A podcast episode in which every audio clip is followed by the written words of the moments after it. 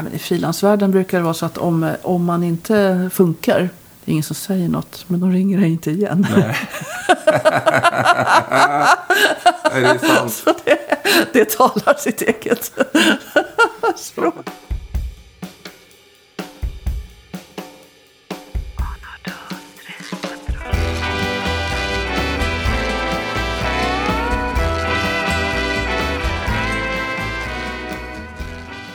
Vi kör på, det brukar ta ungefär en och en halv timme prat. Och sen kommer Hasse Lindén insmygande här och när vi är klara så tar han lite bilder på det här. Om det är okej. Det kom jag på typ tio minuter innan jag skulle gå. Mm. Det är ra- radio, men kanske, kanske någon kommer att ta bilder. Ja, jag vet inte om du har sett hans bilder. Det, det är så här svartvita. Och alla, så det, det blir en extra dimension med en vacker bild på alla. Liksom. Att det inte är en sån här mobilkamera. Eh, riktig fotograf som tar kort. Det blir ju, blir ju skillnad. Ja, det blir det. Jag, jag vet inte, har du lyssnat på någon av dem? Jag har tyvärr inte haft tid. Nej. Jag har jobbat dygnet runt sen vi pratade vid om detta. Så jag är lite så här, men ehm, så jag är inte förberedd på något sätt. Det är- brukar vara bättre. Ja, jag brukar också tycka att det är i ett möte sådär, Ja. att det är bättre att inte ha så mycket förväntningar liksom Nej. för att det ska vara på något. Brukar du göra sånt här ofta eller? Nej, jag har gjort några, några faktiskt podd. För att det har varit så här lite olika, väldigt olika. Mm. Ehm, jag gjorde en eh, med två stycken som, gick på K, som går på KTH. Jag tror de går fortfarande. De har något som heter Professor Magenta. Och det, det alltså de är... ehm, vad är de? De är fys, fysi, fysiker, astrofysiker. Ja, det är väldigt avancerat. De och de har en podd som handlar om ehm, eh, vetenskap då, och konst. De tycker det är intressant, den kopplingen. Och så hade Ja. de ett par, par program som skulle handla om symmetrier. Och då ville de eh, prata om det i musiken. Så jag var Ah. där och pratade. Det var ganska kul, faktiskt. Men eh, symmetrier, eh, att man ser att, att man sätter ihop saker symmetriskt. I, ja, i det kan vara, det visade sig när vi pratade om det att det kan många aspekter på det. Hur man kan se att liksom, det kan finnas symmetri i musiken. Mm. Ehm, och sådär. Jag tog med mig ett stycke som jag hade skrivit till en, en grej på Konserthuset. Ja. För jazzkvintett och stråkkvintett som är en palindrom. Så att det är, om man skulle spela det baklänges så blir det likadant Nej. som man spelar framlänges. Så att det har en mittpunkt liksom, där det vänder så att säga. det, Fan vad impad jag blir. Alltså. ja, det, var rätt, det var rätt mycket meck med det faktiskt. få, få till det. Du skrev inte bara och så vände du på det och så Nej, det, man var ju tvungen. Nej, nej, man var ju tvungen. Alltså, det, jag lärde mig jättemycket av det. För man blev tvungen att tänka. Eh, du vet att vissa saker, de blir ju på ett sätt åt ett Ja, håll. ja. Så rytmiskt. Och sen så blir de ju på ett annat sätt åt, åt andra hållet. Någonting som liksom ökar intensitet eh, blir ju tvärtom då Nej, just det. avstannande eller sådär. Och, och sen vissa saker, du vet, liksom, mm, ackord. som Man tänkte det här ackordet leder till det. Ja. Men om det går baklänges då blir det ju inte samma naturliga. Eh, så då var man tvungen att tänka lite på det. Alltså att inte det skulle vara så starkt led- ledande ackord. Och, och sen så, ja, det var framförallt det rytmiska som jag tyckte var det, det svåraste faktiskt. Att få till det så att det lät naturligt. Så att det inte bara blev konstigt. Jag är helt... Det, det är komposition alltså. Ja, Fan, Ja. sånt höll Bach på med. Är det så? Ja, där fin- finns det exempel på stycken som går att spela baklänges. Samma. Bara för att han kunde liksom. Var det lite show För att han var, tyckte att det var kul skulle jag tro. Ja, han liksom det var nog tyckte det var tråkigt att bara skriva Ja. Jag tror det. framlänges. Det är tillräckligt jobbigt att skriva framlänges. Ja. Ja, ja jag är, jag är jätteimponerad av... Jag vet Jag det. gick ut hårt där och Ja. började. Jag, jag har inte pratat med någon annan som gör så. Nej, det är väl inte så vanligt. Men det berodde på att eh, det var en grej för den här Blue House vet du, som de har. Eh, Magnus Lindgren och Peter Asplund. Och eh, de har ju som eh, några produktioner per termin. Och då brukar de ha något teman. Och oftast har det ju varit storbarn, men inte alltid. Och då kan det vara, jag har skrivit ett antal arr till de där tillfällena. Eh, Och då kan det vara, troligt. en, en gång hade de musikal som tema, liksom, fast man ändå gjorde jazzlåtar av det. Men den här gången så var det, Um, så var det de- då, som jazzkvintett med, med eh, trumpet och sax och sen så stråkkvintett. Eh, ja, stråkkvartett plus extra då, bas. Eh, och, ehm, och då ville de ha, den skulle handla om liksom hela kvällen om balans och, och sådär. Och så hade Magnus lite idéer om vad han ville liksom, när de beställde det här stycket. Då. Att, det skulle, att jag skulle tänka mig som att det var en lindansare som liksom ger sig ut och eh, möter svårigheter. Och sen, eh, du vet, kommer Så att eh, när han sa det, att det skulle, han ville att det skulle liksom innehålla svårigheter, musikaliska svårigheter. Och jag blev som, som jag alltid gör när jag ska sk- göra, skriva saker och om det finns eh, på beställning så om det finns spe- speciella idéer. Så tänker man ju på det och man kanske forskar lite grann då om eh, de här sakerna som pratar om. Så jag tittade ju på lindansare. Jag tittade på em, hur em, Dels lyssnade jag lite grann på vad, vad de brukar spela för musik vid såna här, när de gör såna här saker. Om de går på lina eller slaklina. Det tyckte jag inte var någon ingång direkt. Men däremot själva grejen. Att man står på ett podium. Sen så har man den här färden. Och Ja. ibland om de är på slaklina. De kan göra helt otroliga grejer. De är precis i mitten. Sen ska de ju upp igen. Va? Ja. Och det var där den här idén med palindromen föddes. Liksom, för att då, sen när du väl har kommit upp på andra podiet. Då har du ju liksom Ja. gjort en resa så här. Och med en massa, så att ja, det blev... Eh, Gick man baklänges tillbaka då? nej, nej, nej, men jag tänkte ju så här att när du är där, du är på podiet och sen så liksom hänger linan. Och sen när du är som djupast ner på linan, mitt på linan. Sen så tar du dig liksom upp, då, då tänkte jag att där vänder det liksom. Och så Ja, kommer man ja. tillbaka då. Så, så det var min, min bild av det hela. Så. ja. ja, det var kul.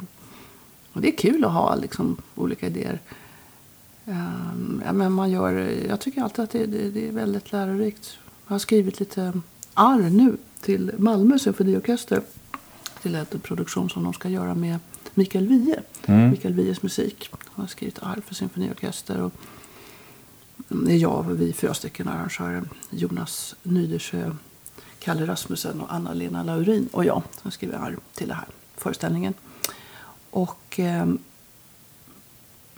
då går man ju in och man då får eh, hans låtar då, fem låtar ska jag och då tittar, och lyssnar man ju på texterna och eh, han hade ju sina idéer om hur han ville ha det och sen så har man ju egna idéer och jag gjorde bland annat ett arr på en eh, låt som han har skrivit som heter Portvakten Ja.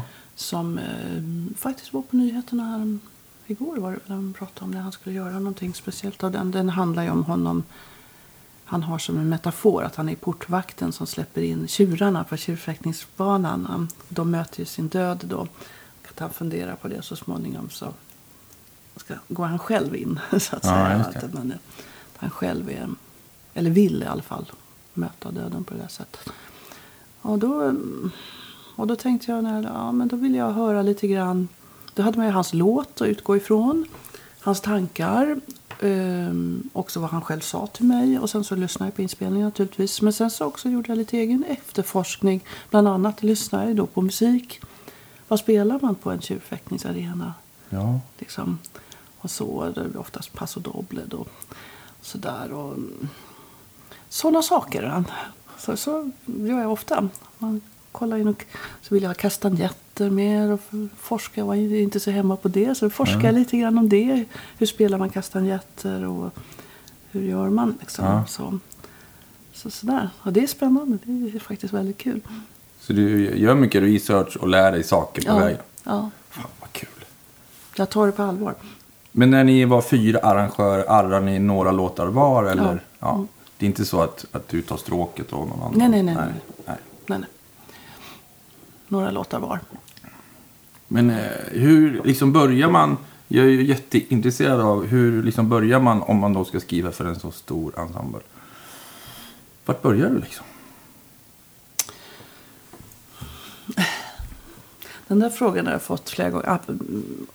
Angående många saker man, Ja. med komposition överhuvudtaget. Ehm, och den är väldigt svår att svara på för att eh, det är så olika. Ja. Ehm, ibland så kan det ju vara så att, eh, som i det här fallet när man skriver ett arrangemang, det är inte ens egen musik i grunden, liksom en komposition. Att det finns liksom redan idéer om vad den här personen som ska framföra, hur den vill ha det. Och då har man ju det att förhålla sig till. Men sen så, man går väl på någon slags intuitiv känsla. Jag brukar lyssna på låtarna. Och väldigt ofta när man skriver arr så är det också så att eh, i det här sammanhanget och i andra sammanhang att det inte alltid finns noter på låtarna. Så man får en inspelning och sen får man planka den. Då. Mm. Och då skriver man ner och då skriver man ner detaljer. Sådär. Det- Jag har gjort ett annat, jag har precis ett arr nu som jag skickar iväg idag till eh, eh, Göteborgs eh, blåsarsymfoniker. Eh, ett arr på en Jan Johansson, eller folkvisa i Jan Johanssons tolkning. Eh, skänklåt från Floda. Och då har jag plankat Jan Johanssons, eh, och det är verkligen liksom inte bara att det, aha, här är G-moll och här är C, va, utan detaljer som han spelar i understämmer så här när han säger för att, för att det ger väldigt mycket ingång i, ja just det, men den där linjen den skulle jag kunna använda där. Och sen så kanske man, i alla fall jag gör det, jag hör, ja men där skulle det vara fint med klarinetter som gör det där eller det där eller si eller så. Och sen så, ja, så, så börjar man. Jag tycker oftast om man bara börjar så, så brukar det ge sig efter ett tag. Ibland händer det ju naturligtvis att det bara är stopp. Men för det mesta så tycker jag det ger sig. Och det brukar jag säga, jag jobbar på Musikhögskolan också och undervisar i komposition och arrangering. Och där träffar jag ganska ofta på elever som säger, Åh, jag vet inte vad jag ska göra, jag kan, kommer inte igång. Och jag, säger, bara börja. Vänta inte på inspiration, för då får du vänta länge. Liksom, utan Ja. bara sätt igång. Jag tänker på, jag läste någon intervju med Claes Östergren. Sa att han, han går, han har sin skrivarlya. Och där sitter han mellan åtta och fem. Även om det kanske någon dag inte blir mer än en mening. Men han är där. Va? Och det, det tror jag på. Att ha det där fokuset. Att man ställer in sig att nu ska jag göra det här. Och ibland så kanske det sitter långt inne. Men till slut så liksom, jag tycker man får inspiration av att börja. Så att säga. Och det var någon som sa att inspiration måste eh, hitta dig när du arbetar. Så att säga. Att, att du måste arbeta, då Precis. kommer det. Exakt, exakt. Så tycker jag det är. Ibland, det är klart att ibland kan det ju komma idéer så här som blixt från en klar himmel. Men det är, ganska, det är inte så, inte för mig i alla fall Nej. är det inte så vanligt. Utan jag måste liksom sätta mig ner och bestämma mig. Att nu, sådär, börjar jag. Och handlar det om kompositioner, liksom, som nu till exempel med mitt eget storband som jag jobbar med.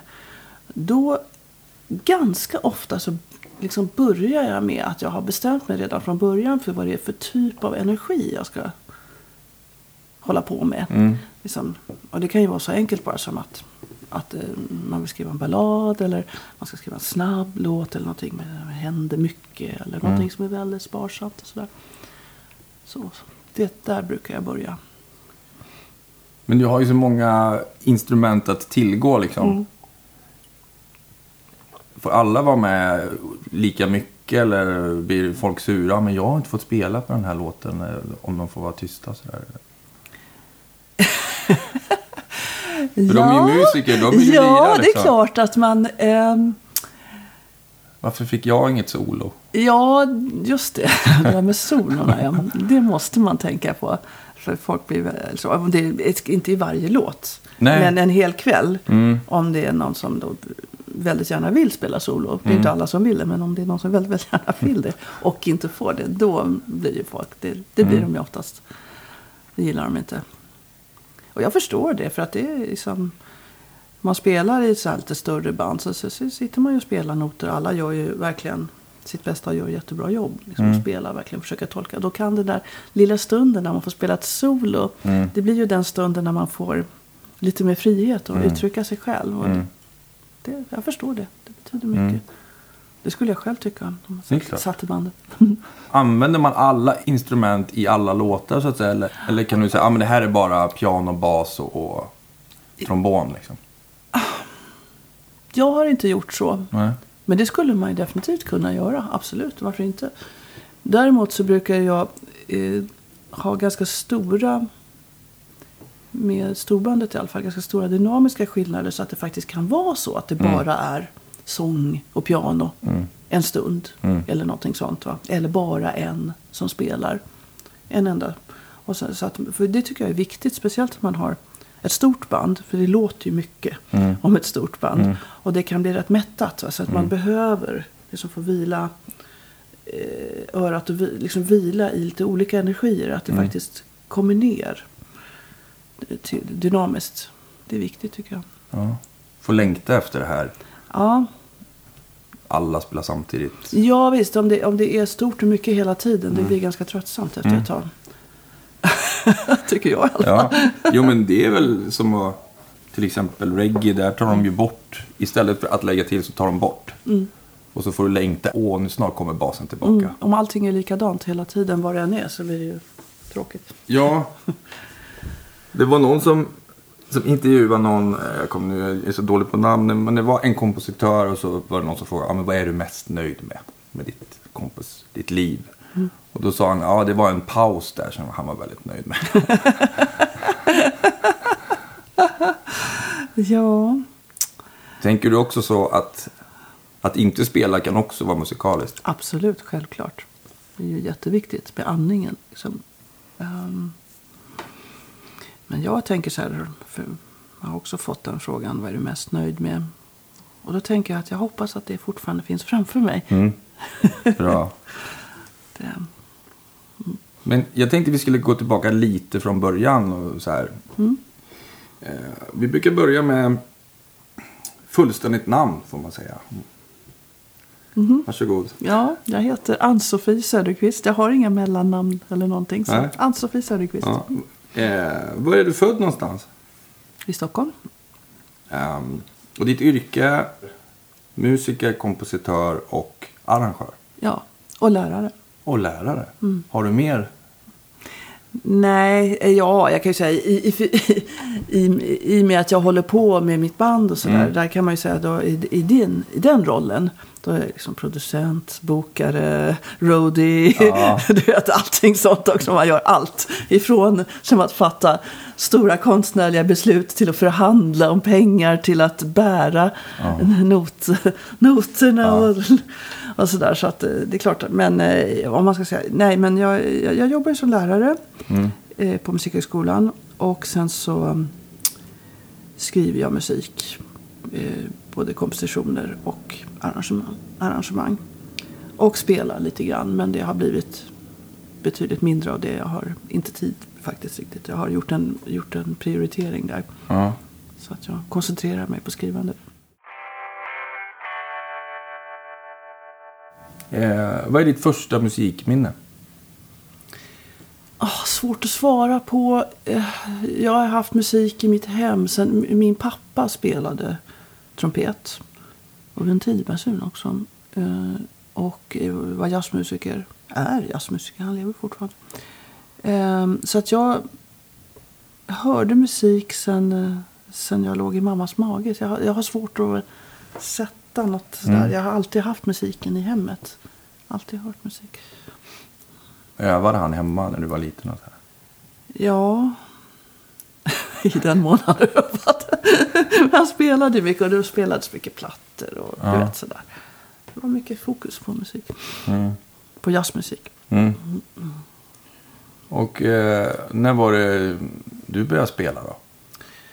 Ehm, jag började spela i kommunala musikskolan. Som det hette på den tiden. Det heter ju Kulturskolan nu då.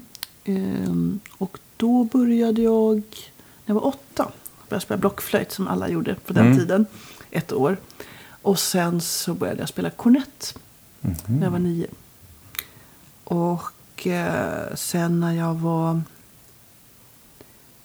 tolv tror jag det var som mina föräldrar köpte ett piano. Och när det pianot kom in i vårt hem då började jag spela. Jag blev jätteintresserad av det och började lära mig att spela ackord och, och sådär. Försökte upptäcka själv. Mm. Och sen så började jag spela klassiskt piano när jag var 14. I kommunala musikskolan. Hade du en bra lärare? Ja, det tycker jag. Ehm, Hon, eh, min pianolärare, för det kan man säga, i mitt hem så var det väldigt mycket jazzmusik som gällde. Och eh, när jag började spela piano då så eh, blev det en introduktion till den klassiska musiken. Och det blev jättestort för mig. Jag blev otroligt intresserad av det. och Fanatic. Liksom. Jag övade jättemycket piano. Och hade en period när jag faktiskt tänkte satsa på att bli pianist Ja. klassisk pianist alltså. Men eh, det blev inte så. Men, eh, så att jag... Eh, så att hon... Hon hade väl liksom sina goda och dåliga sidor som alla människor. Men hon gav mig i alla fall eh, den gåvan att upptäcka och älska musiken och musikformen. Mm. Och det är jag faktiskt henne tacksam för. Att det blev så. För det har jag med mig än idag. Så, de där styckena jag spelade då. Det formade en slags eh, känsla för harmonik och ja, massa saker som man inte förstod då. Men som jag märker att jag fortfarande har med mig. Fast jag är ju inte, jag är jättedålig pianist idag. jag, jag övar aldrig, men jag använder pianot som, ja. som kompositionsverktyg. Så. mm. Men ändå, vilken gåva ändå att kunna spela och, och ha passion. Det är ju det som är Mm, grejen. visst, visst. Verkligen. Mm. Vad lyssnade du på för musik eh, när du var så här, 14, I den 15? åldern? Ja. Ehm, ja, jag eh, lyssnade ju på jazzmusik. För det hade jag. jag hade aldrig någon sån här behov av att jag måste revoltera mot farsan och Mm. liksom börja lira rock eller så. Men, det- men det som, när jag började spela och började bli intresserad av att spela med andra med så då hade det här fusion liksom gjort entré. Och det tyckte man ju var väldigt eh, häftigt.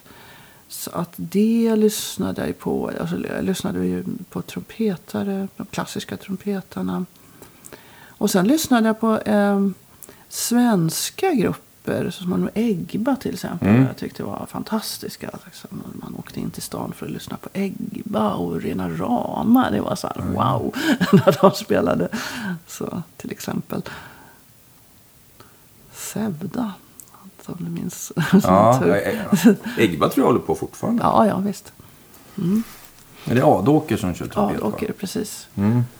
Ja, det de är bra. Ja, men det var det så att det, det fanns parallellt. Så att det var liksom rätt mycket. Det var ju, och det var ju liksom, det, vi pratar ju 70-tal nu. Och det var ju väldigt typiskt för den tiden. Som att allt blandades och det kom mycket nytt. Och, och vad ska man säga, influenser från andra håll.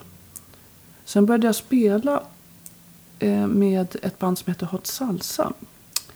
ehm, I slutet av 70-talet. Som var ja, säga, Sveriges första salsaband. Och, det, och, det, och vi spelade som en slags fusion av traditionell salsa och lite mera liksom, liksom lite Santana-låtar och sådana där grejer. Då. Ehm, och det var ju, jag var ju jätteung då när jag började. Det var, men det, var, det betydde jättemycket för mig faktiskt. Hela mötet med den där kulturen och det där rytmiska, den här starka rytmiken. Och, ja, det var häftigt. Och vad, vad spelade du för instrument då? När du... Trumpet. Trumpet. Ja, jag är ju trumpetare. Ja, det, det vet jag. Men jag tänkte Mm. bara, alltså storyn. ja, ja, visst. Nej, ja, visst. Nej, men inte piano. Och då hade du gått... Läste du trumpet eller hade du bara plockat Nej, upp? eller? jag, jag, jag gick ju då i kommunala. Och sen så började jag ta privatlektioner. Eh, av en trumpetare som spelade i Filharmonin på den tiden. Jan Mm. Eriksson. Och eh, det var väl det. Eh, det här, med- sen att jag utbildade mig på Musikhögskolan, det kom senare. Mm. Så att jag började med, jag har gjort allting bakvänt faktiskt. För att jag, jag började med att spela och frilansa och liksom flytta runt lite sådär i, i eh, eh, eh, musikvärlden då, i Stockholm. Mm. Sen kom jag på att jag kanske skulle utbilda mig. Så då sökte jag till Musikhögskolan och så gick jag på trumpet där. Jag kom in och, och gick på trumpet där i fyra år. och sen så fortsatte jag spela och så började jag gl- glida över mer åt att komponera musik och började skriva. Och, ja, dels gjorde jag en del saker på Stadsteatern. Och sen så också började jag skriva lite storbandsarr och sånt. Och jag hade liksom ingen utbildning på det. Utan jag lyssnade mig till och plankade grejer och sådär. Va? Och sen kom jag på att jag kanske... Eller det öppnade sig en möjlighet att gå på Musikhögskolan i komposition. För de som då hade hållit på ett tag och ville ha det som fortbildning. Så det sökte jag till och så gick jag där fyra år till. Så jag har gått åtta år på Musikhögskolan faktiskt. Och nu är du lärare där. Och nu är jag lärare där. Ehm, Åh, herregud. ja, men jag började faktiskt eh, utan utbildning. Eller det kan man ju inte heller säga egentligen. Det är ju inte sant. Jag, jag, jag hade ju lärare i kommunala musikskolan. Så. Ja. Men, eh, Men när ni åkte runt med det här hot salsa. v- Vart spelar man då på den tiden? Ja, vi spelade ju på... Fasching fanns ju redan då. Vi spelade på Mariahissen. och, eh, och så, så spelade vi på ett litet ställe som eh, fanns i Gamla stan som hette Café Ricardo. Som var så här riktigt... Det var bara ett litet hål i väggen. Det En tobaksaffär där nu. Men där, eh, det var sådär centrum för vad ska jag säga, latinamerikansk musik och kanske lite mer också um, reggae, kanske brasiliansk musik, liksom den där Mm. at atmosfären. Och det var ju jättemycket folk där jämt. Det var jättekul att spela där. Och där kunde man spela fem dagar i veckan. Alltså vi, någon gång så spelade vi där en månad. Så, vet, fem dagar i veckan. Så.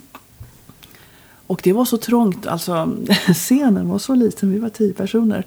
Och de hängde, mickarna, alltså stativen, de hängde i taket. Ah. Ner så här. Alltså, det var otroligt trångt, men eh, det var kul. Det var ett väldigt viktigt ställe. Och sen så åkte vi ju runt och spelade liksom lite grann på ehm, ja, i Norden, runt sådär. Oslo, Klubb 7, Danmark. Vad hade ni för sättning då? Eh, Det varierade lite, men det var ehm, trum, två trumpeter och sax, blås. Det har varierat lite grann. Och sen då trummor, timbales, congas, bongos. Så, så den liksom klassiska. Man säger, eller trummor, eller väl heter bongos, congas och timbales ska det väl vara. Men trummor också. Bas, gitarr. Ehm, ja, är det. En, två, tre. Så fyra slagverkare, det är sju. Bas, gitarr. Och någonting. Någon som sjöng kanske? Ja, det gjorde, det gjorde Wilfredo som spelade bas. Mm. Ja. ja, det varierar. Man ser på lite bilder. Det är, liksom, det är ju sådär. du vet, som- Det kom och gick lite folk också. Ja. Sådär. Och, och det är också en grej som jag... Och nu så sitter jag här och bara säger helt enkelt jag är så tacksam. Men det, jag har faktiskt varit med om mycket saker som jag tycker har betytt så mycket. Om man jämför med hur, hur eh, det ser ut idag. ja. Så vi spelade ju jättemycket med Hot Salsa då. Kunde spela så här fyra, fem kvällar i veckan. Plus att vi repade jättemycket. Vi hade en, en lokal i Gamla stan. Och vi repade flera gånger i veckan. Klart vi var, man var ung och man hade inte så mycket ja, annat för sig kanske. Och inte så mycket utgifter heller. Men det gjorde i alla fall att det blev liksom en väldig gruppkänsla. Och eh, att man spelade så mycket med ett band. Och under några år sådär. Och det är jag väldigt glad över att jag har fått vara med om. För att eh, det är väldigt sällsynt idag. När alla frilansare liksom flyter runt i alla band sådär. Och man har ett rep kanske inför någonting man ska göra. Och, eh, det tar tid att bygga den där gruppkänslan. Det går va? men det, det, är, det är inte lika lätt. Jag får cooking. eh, Fan, sp- spela en månad efter två veckor. Du börjar ju Ja. sitta och liksom. Ja visst, det händer mycket. Ja. Och, då, och om man jobbar på det sättet då är det inte alltid som att det måste vara att varje person som är med måste vara ett S. Liksom. Nej. Utan det kan handla bara om att bara gruppdynamiken Mm. funkar. Så blir det bra. ja. Det finns ju jättemånga band som var och en för sig är de inte speciellt bra. Men tillsammans blir det magiskt. Ja, just det. Var Hot Salsa ett sånt band? Eller var ni alla grymma ändå? Alltså, jag tycker att det var väldigt mycket bra musiker. Mm. jag tyckte väl inte att jag själv tillhörde de som var grymma. Jag var så ung. men, men, men det var grymt på många sätt. Ja. Jag hade väl mycket kvar att lära mig där när jag började där. Men, ehm, men det var grymt. på- Visst. Framförallt för att det rytmiska var så Ja. otroligt starkt. Mm. Och gitarristen som spelade med Hot Salsa, Amedeo Nicoletti. Mm. Han är med i mitt storband. Du så vi lirar fortfarande. Vi har, vi har hållit på i, i ja, 40 år. Till och från med olika grejer Ja. som vi har gjort. Va? Så. Hot salsa. Jag, kommer, jag jobbade på ett skivbolag där vi hade hot salsa. Mhm. Rubba Studios. och- Ja, ja, ja, Rubber Dub, just det. Det var lite ihåg. efter min tid Ja. där. Men, eh, Jag mm. kommer ihåg att jag har suttit och gjort någon så promotion. Och Mm. och den här, det var någon rödaktig skiva så det stod Mm. hot salsa. Just det. Men så här. Hot Salsa gjorde ehm, ganska många. Vi, vi, var, liksom, vi hade ett band och sen så i början av 80-talet så blev det som att vi splittade upp bandet. Och sen tog Wilfredo, basisten, Mm. han tog liksom namnet och, och eh, fortsatte med bandet. Och Ah, då okej. blev det lite, vad ska man säga, lite mer av ett traditionellt salsaband. Så. Mm. Men han var väl inblandad i Rubadub tror jag. Ja, jag tror det på något ja, sätt. Ja. det. Mm. ja, vad kul. Träffa någon som spelar hot salsa. Då Avslöjar hur gammal man är. Nej, men På det, så himla länge. det är bra. Jag tyckte om det. Ja, det var kul. Kan du sak eller skulle du kunna tänka dig att återskapa hot salsa-grejen och åka runt och spela sådär? Nej. Nej. Nej, jag är på ett helt annat ställe i mitt liv Ja. idag. Så att det var då. Ja. Och det var jättekul då. Men eh, nej, nu är jag eh, intresserad av helt andra saker. ja. Du var frilans och sen så pluggade du och sen så var du frilans igen. Mm. Eh, när du hade gått ut första gången då, Mm. vad, vad gjorde du då liksom? Eh, började du spela med andra? Ja, egentligen så hade jag ju gjort det hela tiden. Ja. Man spelar med i olika sammanhang. Och eh, jag har gjort liksom lite allt möjligt. Suttit lite på teater och spelat med olika band. Och, Mm. ehm, ja. Bernt Rosengrens band var du med i va? Inte? Ja, det stämmer att jag eh, började... Eh, min pappa skulle ha varit med och spelat. Min pappa spelade med Bernt Mm. på 50-talet och 60-talet. Och sen när Bernt satte ihop det här storbandet som han började med. Så att, ja, jag vet att det blev så att jag, pappa skulle ha varit med så kunde han inte. Så kom jag dit och spelade istället. Då var jag 19 år. Så att det var, Mäktigt. det var mäktigt och skrämmande och häftigt. Allting på en gång. Ehm, jag kände väl inte kanske att jag platsade riktigt bland dem. Det var ju fantastiska musiker.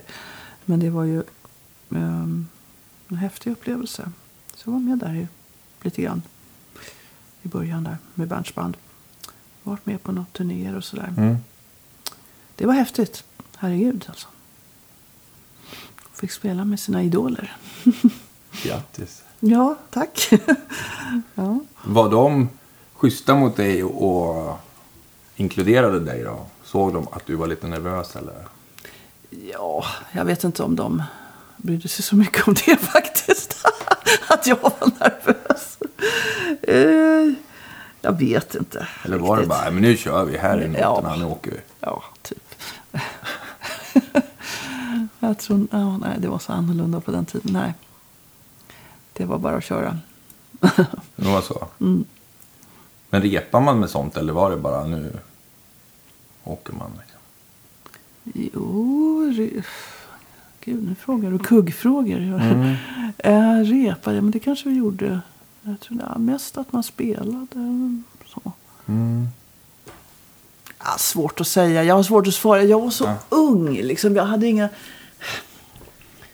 Jag hade liksom inte någon... Det jag hade var så fullt upptagen med att bara ta in allting. Mm. Alltså, jag hade ingen så här speciell analyserande eller... Mm, vi kanske borde ha repat eller vi kanske borde ha gjort så. Jag var bara så här, wow. här, jag befinner mig här bland de Ja. här musikerna och jag försökte väl bara klara av det så gott jag kunde. Mm. Eh, Gick det bra då tyckte du? ja, det, ibland, ibland inte. Fick du själv då om du spelade fel och sådär? Nej, Nej, det får man inte. man får inte det. Nej. De var inte så här stränga. Ja, men I frilansvärlden brukar det vara så att om, om man inte funkar. Och det är ju så fortfarande. Mm. Det är ingen som säger något. Men de ringer dig inte igen. Nej. Nej, det är sant. Så det, det talar sitt eget Ja, språk. precis. När telefonen inte ringer längre.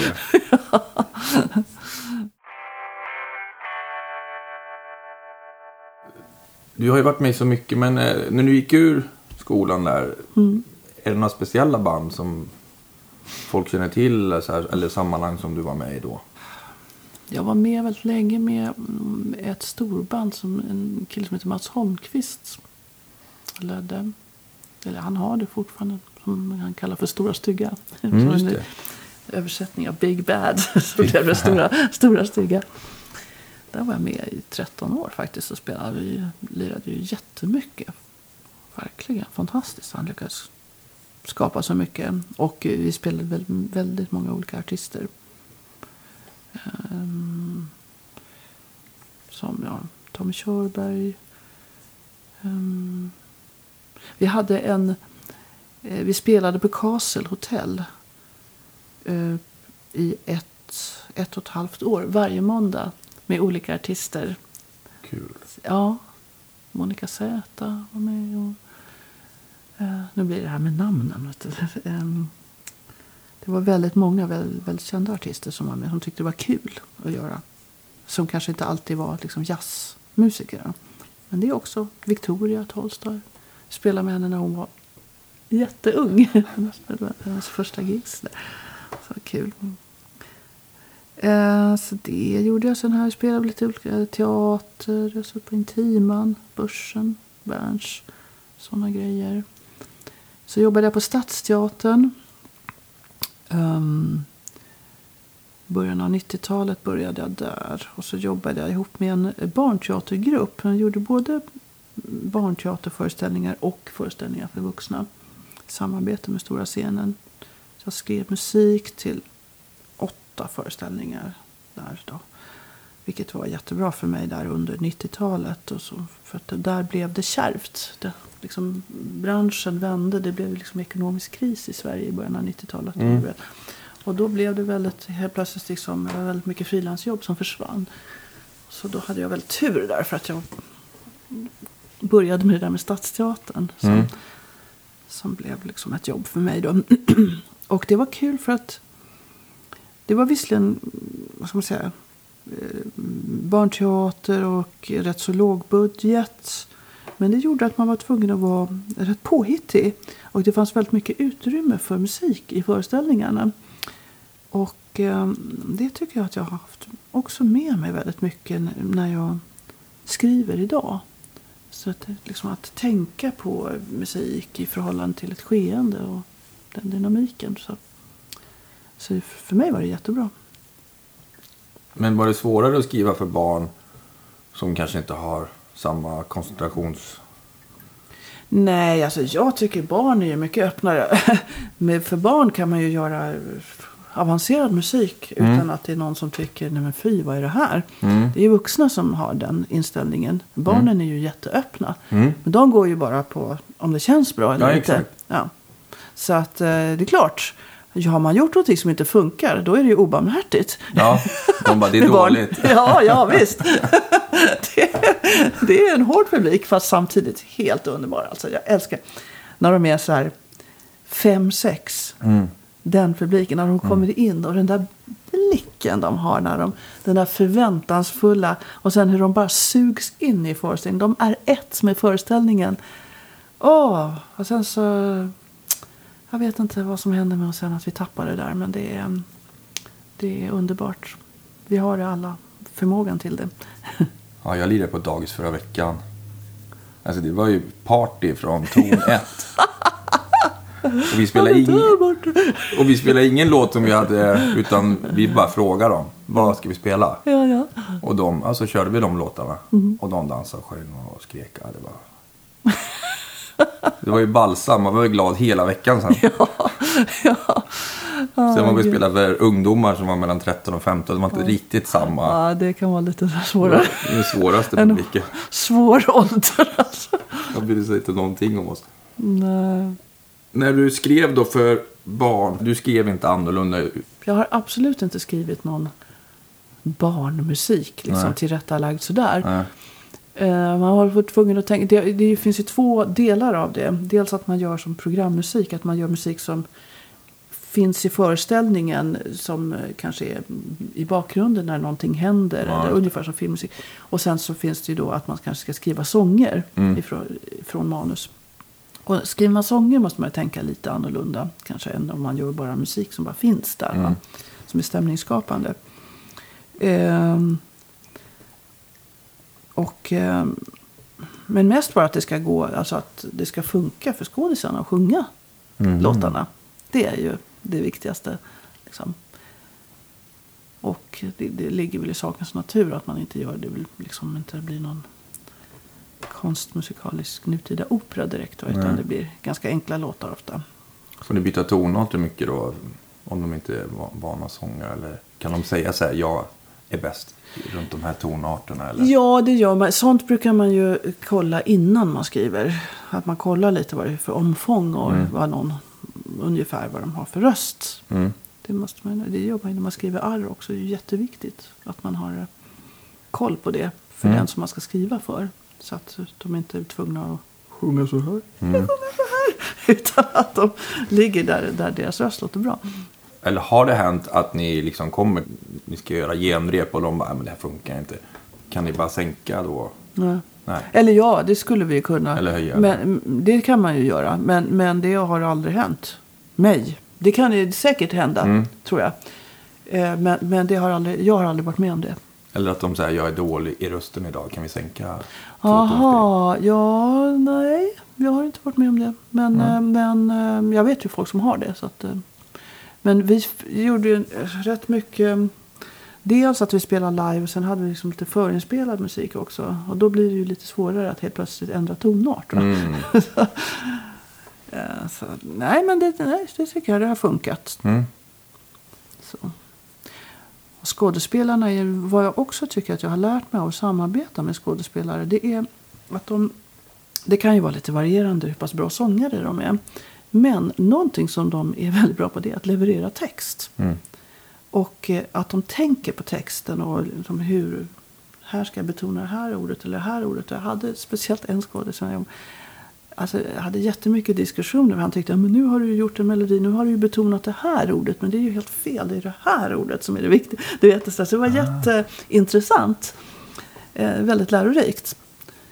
Många musiker som in, inte sjunger och som bara spelar ett instrument, de lyssnar ju aldrig på texten överhuvudtaget. Nej. De bryr sig inte om det. Men, men om man ska tonsätta en text så måste man faktiskt tänka på texten. Mm. Och betoningar och Mm. att det ska kännas bra. Liksom. Funka. Eller som en eh, sångerska vän till mig sa att så det inte blir betoning. Vad är det? B? Betoning fast Jaha. med fel betoning. Ja, just. B-tonen. Ja, ja. Exakt, så det blir ett annat ord om man säger fel. Och så kan det ju bli. Mm. Om man gör fel. Med, alltså om man Mm. tonsätter en text så Mm. kan det ju bli helt, helt galet om man Mm. inte har tänkt sig för. Ja, just det. Vad är dina största influenser? eh, Liksom, är det klassisk och jazz? Ja. Alltså, finns det andra genrer som du lyssnar på? ja, det gör det. Men jag måste nog säga att det är jazzmusiken som, som sagt har jag Mm. haft med mig ända sedan jag var väldigt liten. Och i och med att jag är trumpetare så har jag lyssnat väldigt mycket på olika trumpetare. Och där är väl, tror jag fortfarande för mig. Alltså det finns många som jag tycker om som är fantastiska. Men alltså Miles? Miles Davis. Mm. För hans, dels för hans förmåga, nu bara med en ton, bara pang liksom. Det går bara rakt in i centrala nervsystemet. Man bara Mm. känner, åh, sådär, va, att det berör. Och sen också att han har haft en sån eh, förmåga att skapa liksom, musikaliska sammanhang som varit intressanta hela tiden. Och att han gått vidare. Han har liksom inte stannat i utvecklingen. Så att han är väldigt föredöme på det sättet. Och sen är det någonting med det här lystret omkring honom som också har fått hans medmusiker att också verkligen eh, lyfta sig på något sätt när de spelar med honom. Så det, eh, han har betytt jättemycket för mig. Även om det finns många andra väldigt fina trumpetare. Och Gil Evans, samarbetet med Gil Evans. Överhuvudtaget tycker jag att Evans också är en sån där som har det där lystret. Och sen så av de klassiska så tycker jag om Sjostakovitj väldigt mycket. Messiaen, franska Messiaen. Spännande musik tycker jag. Eh, impressionisterna, Debussy, Ravel. Eh, och också en del av de moderna som jag tycker gör intressant musik.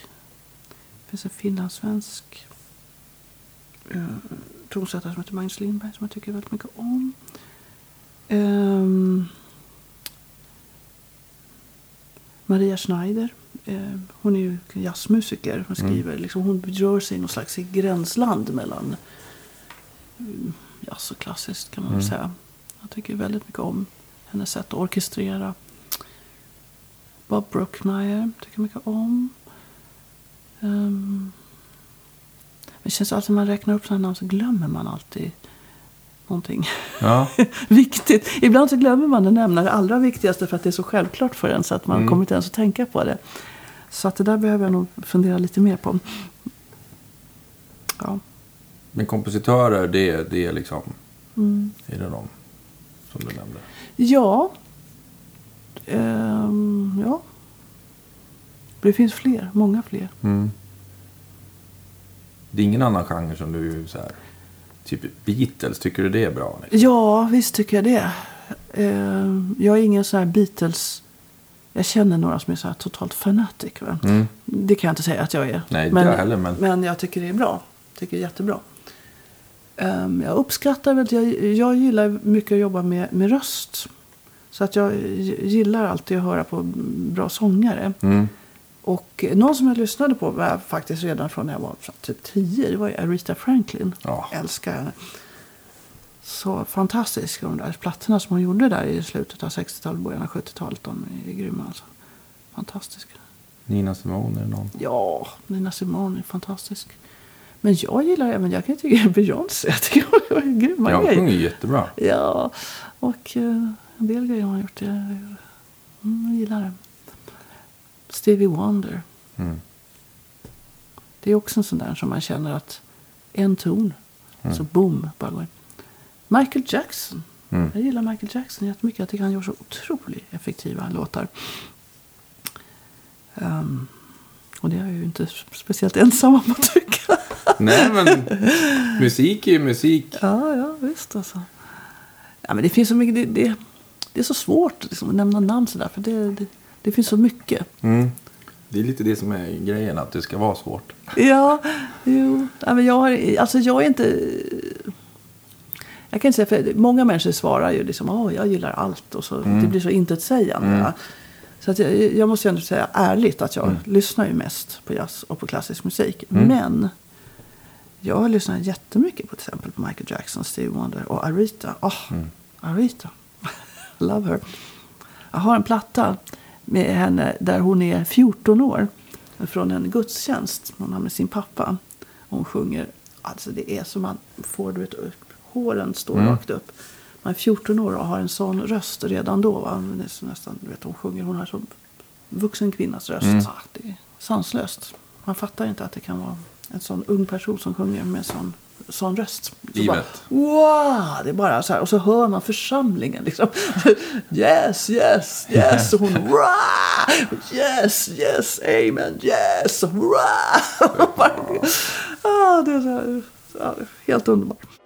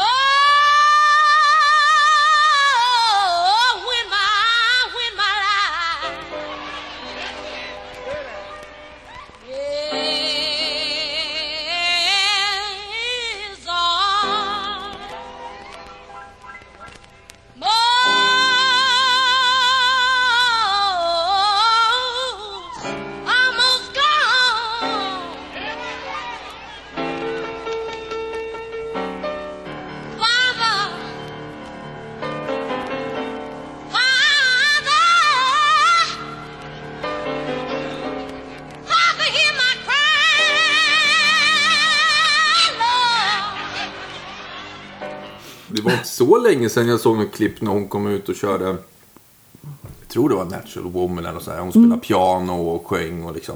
Alla grät och det var bara. "Oh, She's back liksom. Ja, ja, ja visst. Just det, precis. Det, men det gjorde hon ju. Just det. Mm, jag vet vad du menar. Jag har sett det klippet där. Ja. I någon teater. Och Obama och hans precis, fru ja. var där. Ja, och precis, alla bara, precis. "Oh." Hon mosar ju alla. Alltså, Mm. Det spelar ingen roll vem som har stått där innan. Ja, de här nya. Mm. Hon kommer ut så bara. That's the queen. Jo. Ja, för sjutton alltså. Ja. Ja. Men Nina Simone tycker jag också, som du sa, det var bra att du sa det. Det hade Mm. jag glömt. Så att säga. Men eh, hon är ju fantastisk tycker jag. Hon har också den där, det är något så speciellt med hela hennes sound och alltså allting. Hon har den där förmågan som också kanske en Bill- Billie Holiday har. Att få en text. Och, nu väljer hon ju också hela tiden texter som är. Eller vad som är berörande. På, liksom har ett budskap av det ena eller andra slaget. Men det, någonting med hur man presenterar sig bara går rakt in. Liksom. Det är på riktigt liksom. Ja. Husgud. Mm. Och hon vill ju också bli klassisk pianist egentligen. Mm, just det. Mm. Ja, Men det var väl tur för oss att det inte blev så. Ja. Hon bara, "Ja, men jag får väl spela lite jazz då, det är där gigen finns. Är inte det ja. Och så blev hon liksom en ikon. Men jag tror det är någonting med det där att, att man känner att det brinner. Liksom. Att det är på riktigt. Va? Det, här är, det här är inte bara underhållning utan det här är någonting som verkligen är inifrån och ut. Ja. Bam, liksom. det, det tror jag. Det är så pass mycket brinn i henne så att det går fram till tror jag nästan vem som helst. Ja. Men det finns säkert de som avskyr det också. Det gör alltid. ja, det är klart du kan. Men då är man inte ute efter samma sak tror jag. Nej. Då vill precis. man bli bara förströelse. Nina Simone för mig är inte förströelse. Nej. Nej. Det är liv och död. Ja, det är sånt man älskar. Ja. Letar du efter sådana musiker till dina band? Som det är på liv och död? Ja, alltså. Det är klart, alltså, det är ju svåra krav att ställa. Eh, jag försöker väl, eh, i alla fall nu med mitt storband, det är väl det, det är ju det som är aktuellt som jag har. Jag har inget annat eget band, men det är ju mitt hjärteprojekt så att säga. Och där har jag ju ansträngt mig för att eh, hitta Alltså när jag bildade bandet då ville jag säga att jag, jag ville ha musiker som jag tycker om, som jag tycker spelar bra. Jättebra, Och som jag tycker om också som personer. Eh, så att man känner att det är en skön stämning när man lirar. Det är jätteviktigt tycker jag. Och eh, det tycker jag att jag har lyckats med också. Sen har det ju liksom... Vi började 2010.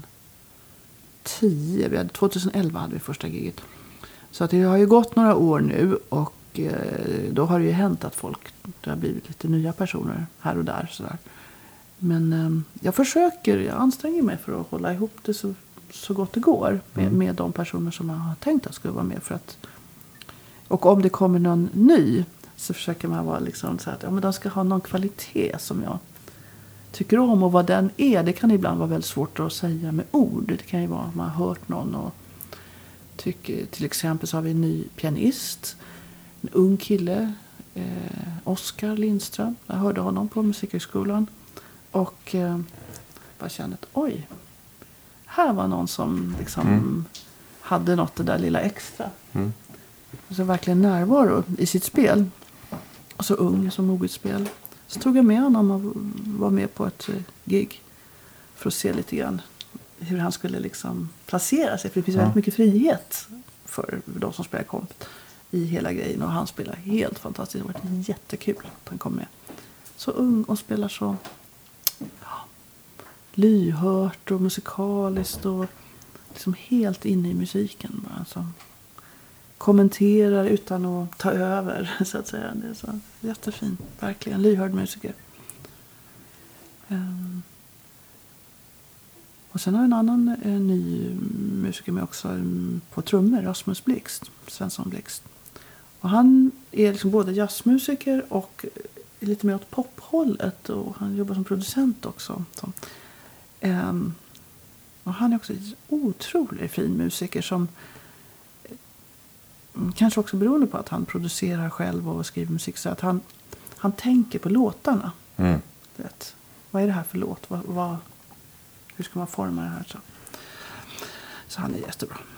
Men ja, men det är de ju allihop. Så det är bara fest när vi spelar, tycker jag. Men det måste ju vara otroligt råddigt och, och, och dels få ihop alla. Ja. Och liksom, de spelar väl i andra sammanhang Ja, också? gud ja. ja. Det här är ju bara någonting. Vi, alltså, vi spelar ju kanske några gånger om året. Mm. That's it. Det beror ju på flera saker. Dels att folk är upptagna. Mm. Men framförallt så har det ju med ekonomin att göra. Mm. Det är svårt att få ihop det helt enkelt. Eh, Men eh, det går att göra lite grejer i alla fall. Är det konserthus ni lirar på mest eller? Vi har, spel, nej, vi har spelat eh, eh, på klubbar och på festivaler. Så, Just det. så. Men att köpa biljetter till, vad är ni, 18 personer? 20 är vi nu. 20 är nu, Jag har ja. tagit med en till. Har fantastisk slagverkare med också som spelar vibrafon och slagverk. Anders Åstrand, han är helt otrolig. Så det blir ännu mer folk. Det jag, menar, jag gör det inte för att det är liksom ingen business. För Nej, mig, jag förstår utan det. det. Är bara, jag gör det bara för att Det det är kul. ja. Ja. Ja, men jag är så imponerad av att... Eh, men det måste ändå vara lyxigt när, du har, när alla är där och det Ja, ja, funkar visst. och liksom... Det är jättekul. Det är väl så att eh, yours truly är den som gör i stort sett allt. Mm.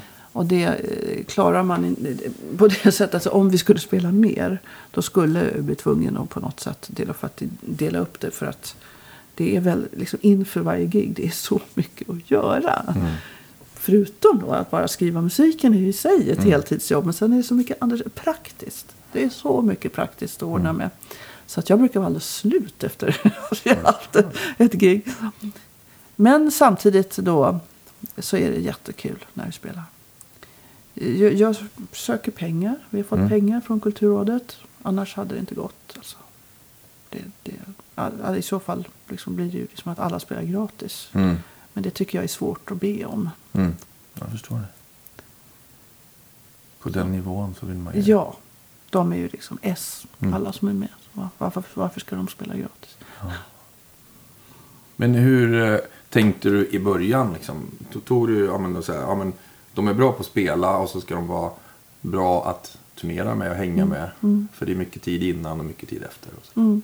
Ja, också för att från början, så när man gör ett projekt från början, då har man ju inte de här kulturrådspengarna. Man har liksom ingenting. Så då gäller det ju att man också hittar folk som, som tycker att det är kul att prova någonting nytt. Mm. Så så var det ju från början. Att jag bestämde mig för att jag ville testa att göra ett helt... Jag hade gjort, haft ett storband innan tillsammans med saxofonisterna Janne Levander och Joakim Milder. Men då var vi tre som ledde och liksom... Eh, och vi höll på några år med det projektet. Och eh, eh det var jättekul. Det var mycket jobb men det, det var väldigt lärorikt för mig. Eh, och sen då när jag bestämde mig för att jag skulle vilja testa att göra en helt, ett helt eget projekt på den här, liksom, om, i den här omfattningen, på den här nivån. Då var det ju viktigt att, eh, ja, vem kan man fråga och som kan tänkas vilja göra någonting sånt. För det hängde ju från början, och det gör det ju fortfarande, det hängde ju på allas goda vilja. Liksom. Mm. För ingen är ju med för pengarnas skull. Liksom, Även om de får ju betalt. Va? Men, men det är ju ingen big business liksom, för någon. Utan folk är ju där för kärleken till musiken. Det, är det. det har vi gemensamt allihop. Och sen så är det så att många, alla, har sina egna projekt. De är liksom kapellmästare i sina egna grupper och de skriver musik och de håller på. Så att de har också en förståelse för hur liksom, att vara med. Alltså de har en förståelse för att vara med i ett sånt här sammanhang. Det är ju mitt projekt, det är min baby, jag skriver ju all musik och så. Men jag kan ju också, eh, nu spelar jag inte så mycket men jag, ibland gör jag det. Jag kan gå in i någon annans grupp och då är jag liksom helt, då spelar jag den personens musik och det är fine. Jag gillar det. Va? Så att alla har en förståelse för de här sakerna. Och eh, en nyfikenhet. Se vad är det här? Vad kan det vara? Det här kanske är spännande och kul att prova. Så. De fattar att du har lagt 2000 timmar innan ni står på scen. Ja, ja, gud ja. Mm. folk som inte är musiker eller är i den världen förstår hur mycket jobb det är innan man står på scenen. Mm. Att de ser så ja men ni står ju där en timme. Det verkar ju inte vara så svårt. Det är ju jättebra Vad bra betalt. betalt ni har timmen. och så, vad fan, vi, vi har repat i hundra år. Vi har skrivit låtar, vi har repat och sen har vi åkt kanske. Och så har vi väntat. Och nu står vi här. Då måste man ju älska musik. Plus all tid man har lagt på att öva. Mm. På att förkovra sig. Liksom. Ni ska spela på Fasching om typ tio dagar eller nio dagar eller något sånt där. Ja, 10 februari ska vi spela. Det ska bli jättekul. För vi, sist vi spelade där, Mm. det var ett år sedan ungefär. Ehm, då spelade vi in en platta. En liveplatta. Move, den ja. Den här ja. ja. Live at Fasching. Och Bangen. Yes, Bangen är en festival i Sandviken, en jazzfestival. Och det är ett par nummer därifrån. Sen är det från Fasching. Och den där plattan, den har blivit Grammis-nominerad. Grattis! Tack! Så 8 februari får vi veta vem som har fått Ja, då kanske ni firar på Fasching Kanske. då? Kanske. Hur Jag vet inte. brukar du bli nominerad och få Nej. Grammisar? Nej. Det är första gången. Så det är Äntligen. jättekul. Ja. Ehm, men det är kul, så vi kommer tillbaka till Fasching nu då. Mm. Ehm, men vi gjorde den där plattan, alltså det är bara pang på, du vet, en tagning, Mm. live. Och det är kul, för när man, eh, nu sköter sig alla jättebra, det är väldigt Mm. lite felspelningar. Men när man gör någonting live, då får man ju det där, det är svårt i studio att få det där extra, liksom, eh, attention, liksom den här spänningen som ändå blir när man möter en publik. Ehm, så det var väldigt kul att vi kunde göra det och att det blev så pass eh, bra ljud också. Det är inte så lätt, det är så Fasching, det är ganska trångt och du vet, allting Ja. finns i alla mickar och, Ja. och så. Men eh, Pavel Lucky som spelar in och Thomas Florhed som har mixat tillsammans, de har gjort jättebra jobb. Så. Verkligen blivit bra. Var det publikljud också? Går det med in och sådär? Ja, fast inte så mycket. Ja, det finns ju naturligtvis. Men eh, det finns ju här och var. Men eh, förvånansvärt lite ändå. Liksom. För sitter man på första rad på Fasching sitter man nästan i flygeln. Ja, liksom. ja, visst, visst. Jo, men här och var hör man ju. Liksom. De tjoar och kimmar. Ja. Publiken. Eh, Jag fick ju tre plattor här. Det är den här liveplattan och så Mm. är det... Är det här din best of då? The story of? Nej, det är det här, den vita plattan där, Point of View, det är den första plattan som vi gjorde. Och eh, den är inspelad i, eh, på radion, Studio 4. Och, eh, och egentligen så är ju den inspelad som en liveplatta fast det är ingen publik där. Det, är- man spelar ju liksom i ett sånt här sammanhang med så mycket improvisation. Man håller inte på att göra massa pålägg och så utan man bara spelar. Alla, alla spelar ju så på det sättet är det ju live ändå. Va? Fast när man sp- spelar in så man kan ju alltid ta en tagning till. Nu gjorde vi väldigt eh, snabbt ändå den där första plattan. Ehm, men, men eh, ja, som sagt.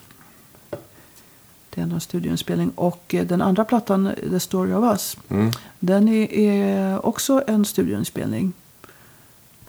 Mm. Och den eh, gjorde vi spela in i ett par dagar. Där.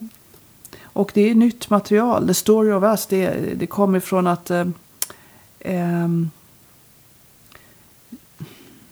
jag har format musiken så mycket utifrån de olika medlemmarna i bandet. Jag skriver låtar liksom. Eh, jag försöker tänka på det. Att eh, eftersom jag nu har, nu har vi jobbat tillsammans pass länge och jag känner dem ju ganska väl musikaliskt. Och då försöker man göra, eller jag försöker göra saker som passar olika musiker. Och göra någonting som, så det är som små berättelser. The story of us. Och egentligen är ju den här nya plattan också det. Blir man inte väldigt glada då om du säger jag har tänkt på hur du spelar och vem du är nu, Mm. Och nu hör den här låten. Ja. Det måste ju bli väldigt glatt. Folk är coola vet du, de säger inte så Det är klart de blir glada. Ja. Första låten på den här sista plattan, Evening Blues, den är skriven för våran trombonist Dicken Hedrenius. Mm. Jag skulle aldrig ha skrivit den låten på det sättet om det inte var för honom. Han är en riktig bluesman. Han har en sån... Och han har också den där förmågan att bara med en ton liksom drabba en på något sätt. Mm. Så att, eh, till exempel. Så, att, eh, så. så jag tänker mycket på det. Det är ju liksom... Blir lite annat förhållningssätt än när man bara skriver för en orkester. Där man inte riktigt vet vilka som ska spela.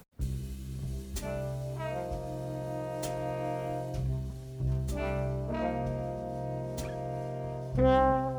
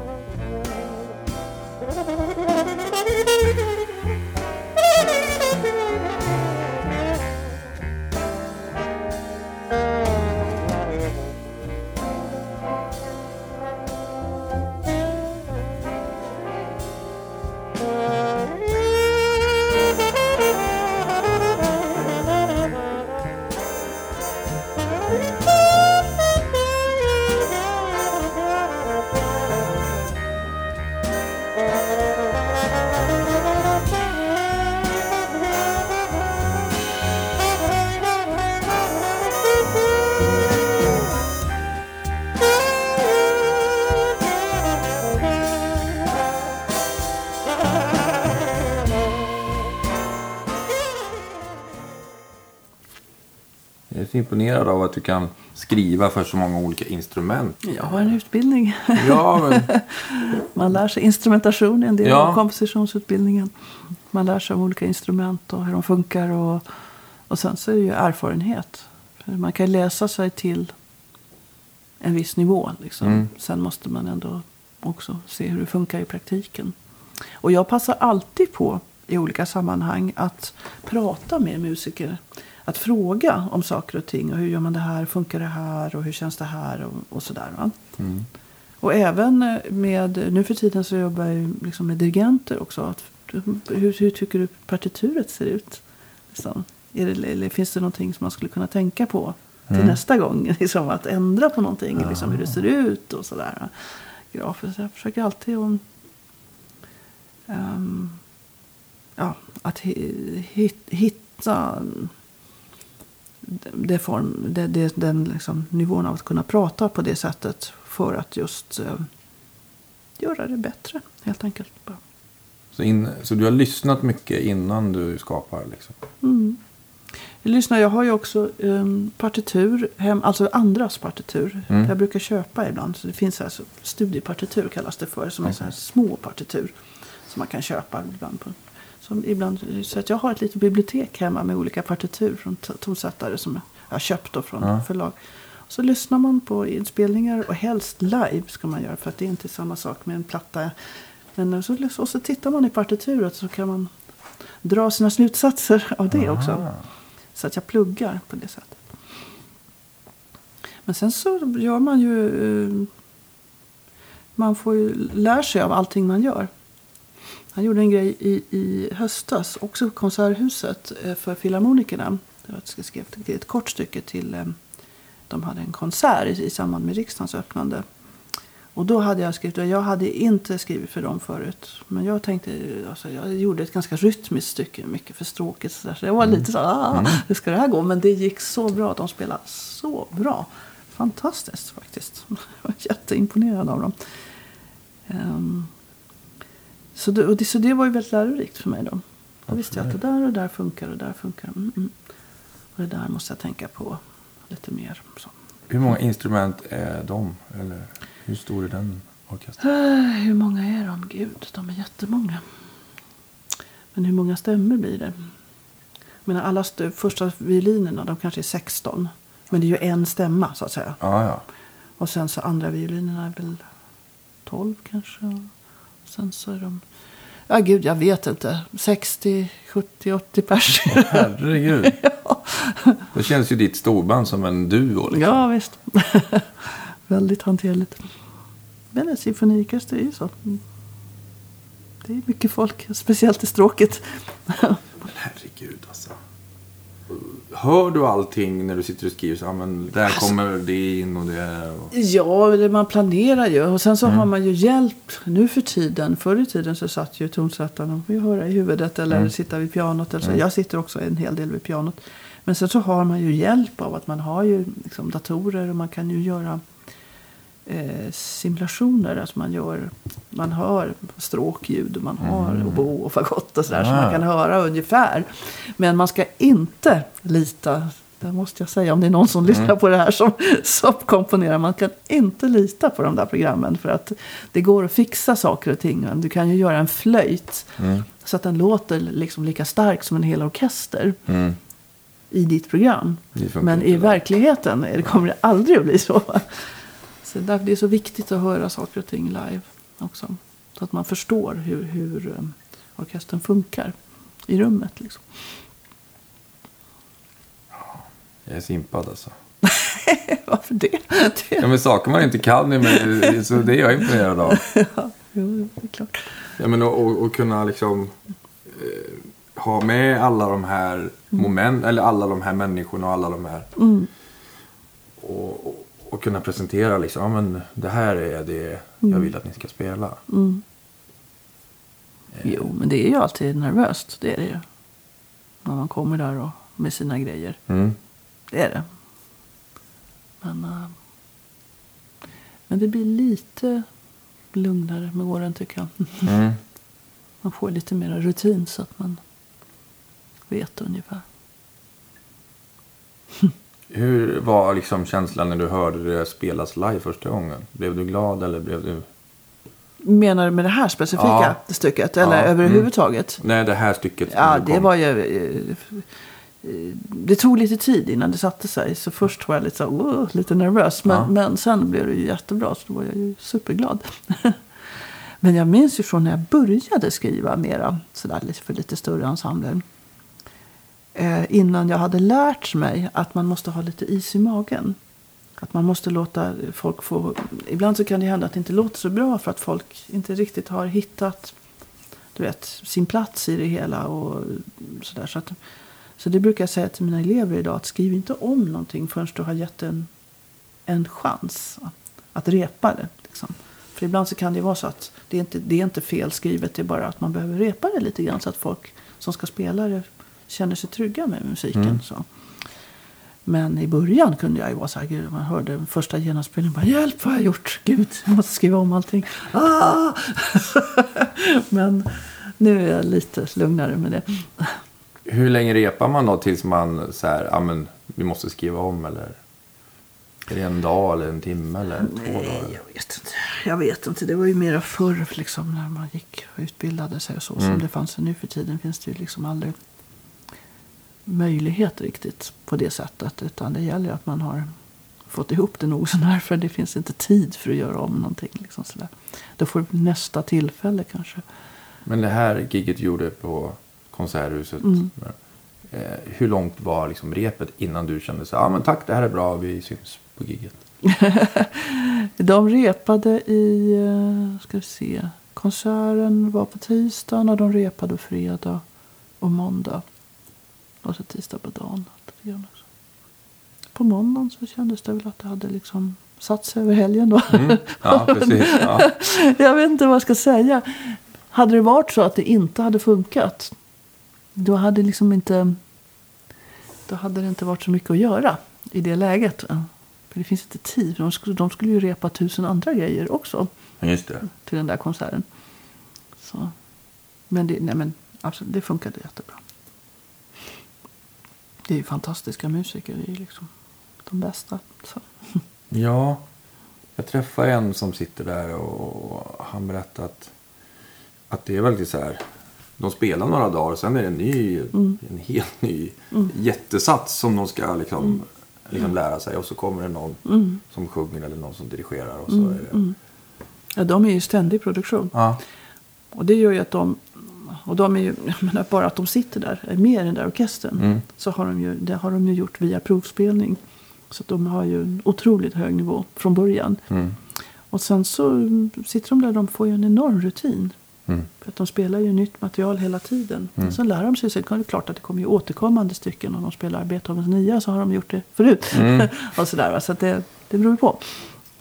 Men eh, det är klart att de blir ju väldigt skickliga på att ta sig an nytt material. mm. För de gör det ju hela tiden. Är det någon där som du har plockat in till dina projekt? Som du har hittat Nej. i någon sån här or- orkester? Mm, nej. det är lite olika världar. Mm. Um, jag jobbar ju liksom med, med mitt eget band. Ja, är Så är det liksom mer improviserande musiker. Mm. Så. Så, men det vore ju kul att göra något. Något sånt möte. Det skulle ju vara jättekul. Konserthuset är fint. Ja, det är det. Köra där istället. Mm. Eh, vi pratade lite innan här. Eh, för några år sedan, jag tror det var tre år sedan, så eh, var jag och tittade på dig när du körde med Jazz Baltica Allstar. Just det. Big Band heter det va? Mm. Och var, var det din musik då som Mm, de spelade? ja. Ja. Och eh, var det ett uruppförande? Det här var ju Stockholm Jazzfestival på Ah, Stadsteatern. nej, det var väl inget ur dem för kanske var någon låt som var ny där, men eh, nej, det var nog mera material som jag hade med mig från mitt eget storband, Mm. tror jag. Om jag minns det rätt. Mm. Lite, jag hade väl gjort omformat det lite grann för att det var lite delvis annan sättning. Mm. Lite andra instrument. Eh, Så att, eh, men nej, det var inte specialskrivet för dem.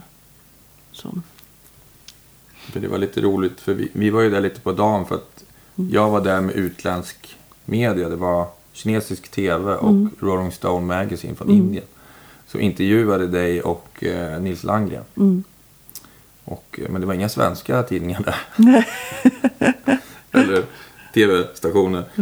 Eh, men eh, jag kommer ihåg att alla vi var väldigt impade av det ni gjorde på scen. Ja, vad kul. Mm. Riktigt- Ja, men det var ett jättekul gig. Ja. Publiken var ju fan sjövild. ja, hade gjort, just det, jag hade gjort ett nummer som var för tre barytonsaxar. Mm. Det var nyskrivet, ja. Eh, och då kom det fram en kille efteråt. Alltså när ni spelade det där, alltså jag höll på, jag blev så tog jag ville ställa mig upp och skrika. Ja. Så, varför gjorde du inte det? skulle du ha gjort. Bara ut med Ja. Ja, men folk så här, tjuv, liksom dansar lite bakom så här. De visste inte så här, får vi dansa? För det var ju sittande. Ja. Nej, det var roligt. Det var jätteroligt. Otroligt mäktigt och Ja, och fina musiker, verkligen. Men Flera av dem träffade jag för första gången. Jag hade aldrig träffat dem förut. Så det var jätteroligt. Sen gjorde vi faktiskt ehm, eh, samma program kan man säga på Jazz Baltica-festivalen på sommaren sen i Tyskland. Mm. Och sen har vi gjort, eh, sen har det blivit ett återkommande projekt. Så att det i somras så var det eh, samma band fast med en annan kompositör. Och då var jag med och spelade trumpet. Och jag ska göra det i sommar också med en annan kompositör i bandet. Och så ska jag vara med och spela trumpet istället. Ja, för jag jag för mig att du spelar lite då, eller? Hade jag drömt det? Eh, det kanske jag gjorde. Jag, ibland gör jag det, spelar någon låt bara sådär. Mm. Men jag är inte hundra på att jag gjorde det. Gjorde jag verkligen det? Ja, Ja, det, kanske jag gjorde. gjorde, men... Vilket minne jag har. Jag kommer inte ihåg om jag har spelat eller ej. Du kommer ihåg att det svängde så mycket så att du, du, du stod och liksom jassade så här Ja, med liksom ryggen mot och, Ja, och tyckte det det. var gött liksom och, och stod och... Det värsta är man är dirigent och man står, Ja. man står alltid med ryggen mot Ja. publiken. Men man såg att du hade det kul för du Ja. Mm. liksom dansade och, Jo. och det gjorde vi också. Eh, ja, det var ett mäktigt gig. Mm. Det var jättekul. Mm. Verkligen. Och kul att det var sån respons. Så var Nisse med och lirade lite grann också. Ja. Och så hade vi en liten, just det, vi hade ju också en liten, eh, han intervjuade ju mig lite grann så på scenen. Så, det är kul, för vi var ju nämligen med och spelade med Bernt Rosengrens storband. Ja, vi är ja. lika gamla Nisse och jag, så vi var 19 år när, vi, när vi var så här unga. Ja, ja, ja. Ja, jäkligt kul alltså. Ja. Just det, det var Nisses hörna heter det va? Nisses hörna. Mm. Det har han som är återkommande med olika gäster. Mm. Det brukar vara jättefint. Ja, Han intervju spelar lite med gästerna och intervjuar dem. Så. bra koncept. Ja, och väldigt sådär opretentiöst. Mm. Som inte, ja, mer som ett samtal. Så. Mm. Ja, han är bra Nisse, herregud. Ja, det är ni allihopa. Mm. Vet, ja, men det är ett fint minne. Jag kommer ihåg att, att vi var väldigt glada där. Vi drack många öl och var glada efter gigget. Just det, jag hade ju till och med en låt som jag skrivit som går i massa olika taktarter. Mm. Då hade jag, jag sa det till publiken att Ja. den som kan räkna ut vad det här går i för taktart Ja. kommer att vinna en öl. Ja. och då var det en kille, här, en musiker som jag känner. Så, och han sa en, två, tre, en, två, tre, en, två, tre. Han räknade på det var flera som kom. Ja. Ja. Var det så, var det si, var det så? Men han hade räknat ut hur det var. för det var liksom hur, att det växlade mellan olika taktarter. Bjöd jag honom på en öl. sen. Bra gjort. så kul. Det var så utmaning för honom. Det var en bra dag på jobbet. Ja, För oss alla. Ska ni ut med det där? Ni skulle spela i sommar med det där. Ja, med Jazz Baltica. Ja. Mm, på festivalen då i Tyskland. Mm. Med musik av Hildegun Öyset. En norsk trumpetare som var med då också. Mm. Det var hon som spelade buckehorn. Om du minns att det var en som spelade på ett slags eh, ja, bockhorn. Mm. svenska. Så eh, inte trumpet utan liksom ett horn. Just Bara så det. hon är helt otrolig. Så, hon är helt fantastisk på det. Eh, hon är en jättefin musiker och eh, skriver också musik. Så hon ska skriva musiken till, ny musik till i sommar. Då. Och så Ja. ska vi spela. Vad ambitiöst och liksom Mm. skriva ny musik till alla gig. Ja, förra året så var det eh, hon som spelade barytonsax, Tine, Tom, Tine Thompson, som hade skrivit ny musik. Så. Ja, Ni river superkul. inte av bara, "Ja, men vi kör det som var förra året. Utan ni, ni skriver nytt.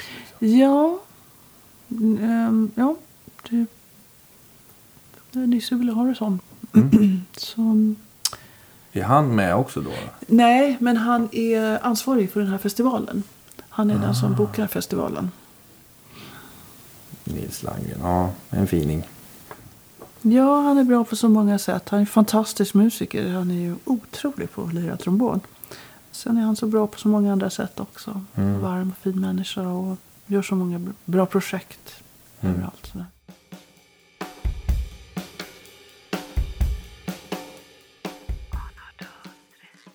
Om vi pratar lite musikaliska möten då. Mm. Har du några som är extra varmt? Jag tycker att man har ju liksom det hela tiden. Mm. Det är så många. Jag kan inte säga... Alltså... Svårt att säga tycker jag. För att, eh, jag tycker att det är så många. Jag har haft sån tur. För jobba med så mycket fina musiker. Så att det, det är svårt att liksom framhålla någon framför någon annan på något sätt. Så men det, ehm, jag tycker det är... Det är de där musikaliska mötena som gör att man håller på på något Ja. sätt. Det är så viktigt. Sen är det klart att man klickar med vissa personer kanske mer än andra. På olika sätt. Och ibland så följs man åt och utvecklas tillsammans. Till exempel Lena som sjunger i mitt band, Lena Svanberg. Henne träffade jag på Musikhögskolan 2007. Och hon var med i ett projekt som jag gjorde med skolans storband. Och sen så tog jag med henne upp till ett projekt som jag skulle göra med Norrbotten Big Band uppe i Luleå. Och, den, och den, de konserterna, det blev en platta så småningom. Och sen så... Så började vi träffas och umgås och, och um, sen är hon med, blev hon med i mitt band. Och eh, jag tycker hon har liksom mognat till en sån fantastisk sångerska. Plus att hon har blivit en jättegod vän. Så det är väldigt roligt. Hon är liksom 25 år yngre än vad jag är. Mm. Men det känns som man möts på, på lika basis på något sätt. Till skillnad då från till exempel som Amadeus som jag spelar med som jag har spelat med i 40 år. Mm. till och från. Som också är sån där. Har jag haft så mycket fina möten. Men eh, så att det är ju också en mänsklig aspekt av det hela. Men, men jag tycker att det... Jag kan inte riktigt framhålla. Jag tycker, jag tycker jag har varit med om så många musikaliska möten som har varit så fantastiska. Och pågår hela Mm. tiden. Mm. Alltid. Ja, för det verkar ju som att du, du verkligen bara kör på. Och bara, du, nya grejer hela tiden. Ja, jag är och- väldigt aktiv. Ja. Det är jag faktiskt. Eh, Just nu i alla fall. Det där går väl lite upp och ner också. Men jag är inne i en väldigt intensiv fas just Ja. nu. Ja, det var kul när jag skulle boka dig till den här intervjun så sa du ja, men jag har fullt upp fram till det här datumet. Sen kan vi ses. Mm. Så att då, då liksom går du in i och då jobbar du på. Och, och... Jag förstår det det är sådana Mm. stora projekt. Alltså. Man har sina deadlines. Liksom. Och Mm. eh, eh, innan en deadline kan det vara väldigt svårt att... Alltså när man ska skriva Mm. någonting på beställning. Då kan det vara svårt att börja boka in en massa andra saker. Jag förstår det. så, så det är det. Har du hög arbetsmoral mot dig själv? Oh ja, för hög. Nej, där har jag inga problem. Snarare åt andra hållet. Att det kan vara svårt att sätta punkt. Jag blir lite besatt. Men musik gör ju det med många människor. Ja, jo. Men har du tyst då hemma när du är hemma och liksom... Ja, jag har, nu har jag, eh, ja det här är ju väldigt nytt för mig sedan ett par år tillbaka bara. Men jag, har, jag flyttade och eh, då byggde jag en studio hemma. Så Alltså ett ljudisolerat rum. Och där inne kan jag sitta och där kan jag stänga av mig och det har varit jätteskönt. Nu till exempel vi har någon granne som håller på att renovera. Det är alltid pågår några renoveringar tycker jag. Går man in där så blir det bara tyst. Och där kan jag spela också. Jag Mm. kan öva där. Och så. så jag har ett arbetsrum liksom, i lägenheten.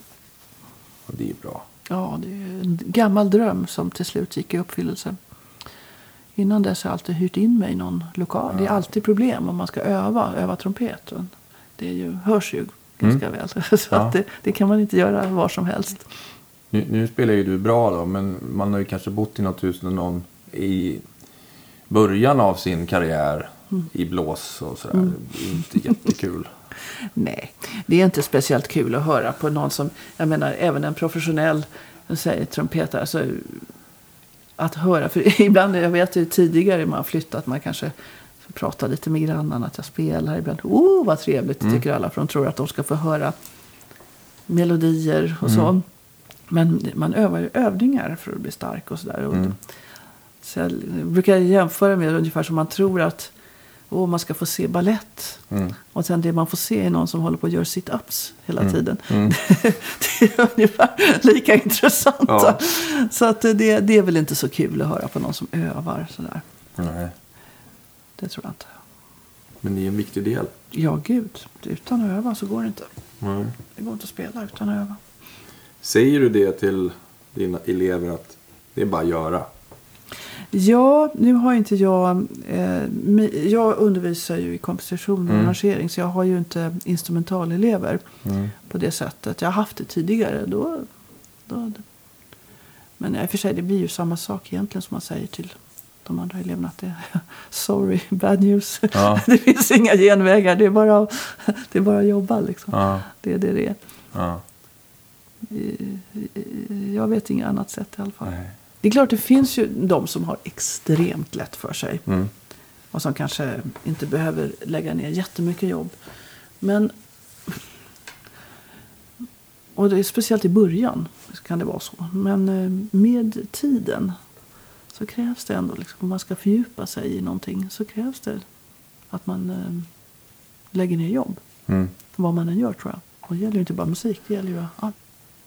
Ja, det är ju så. Ja, man får inte mer än vad man ger. Nej, det är, det är bra sagt.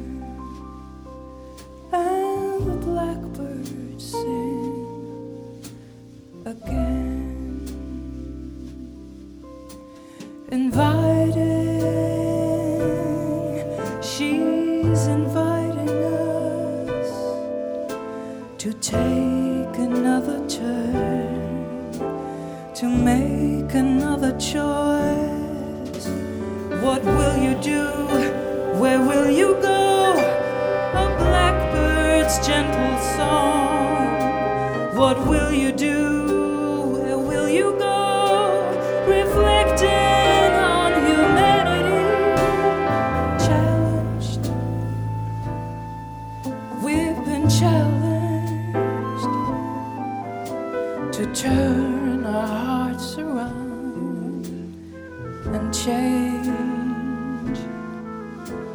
Spring will come along.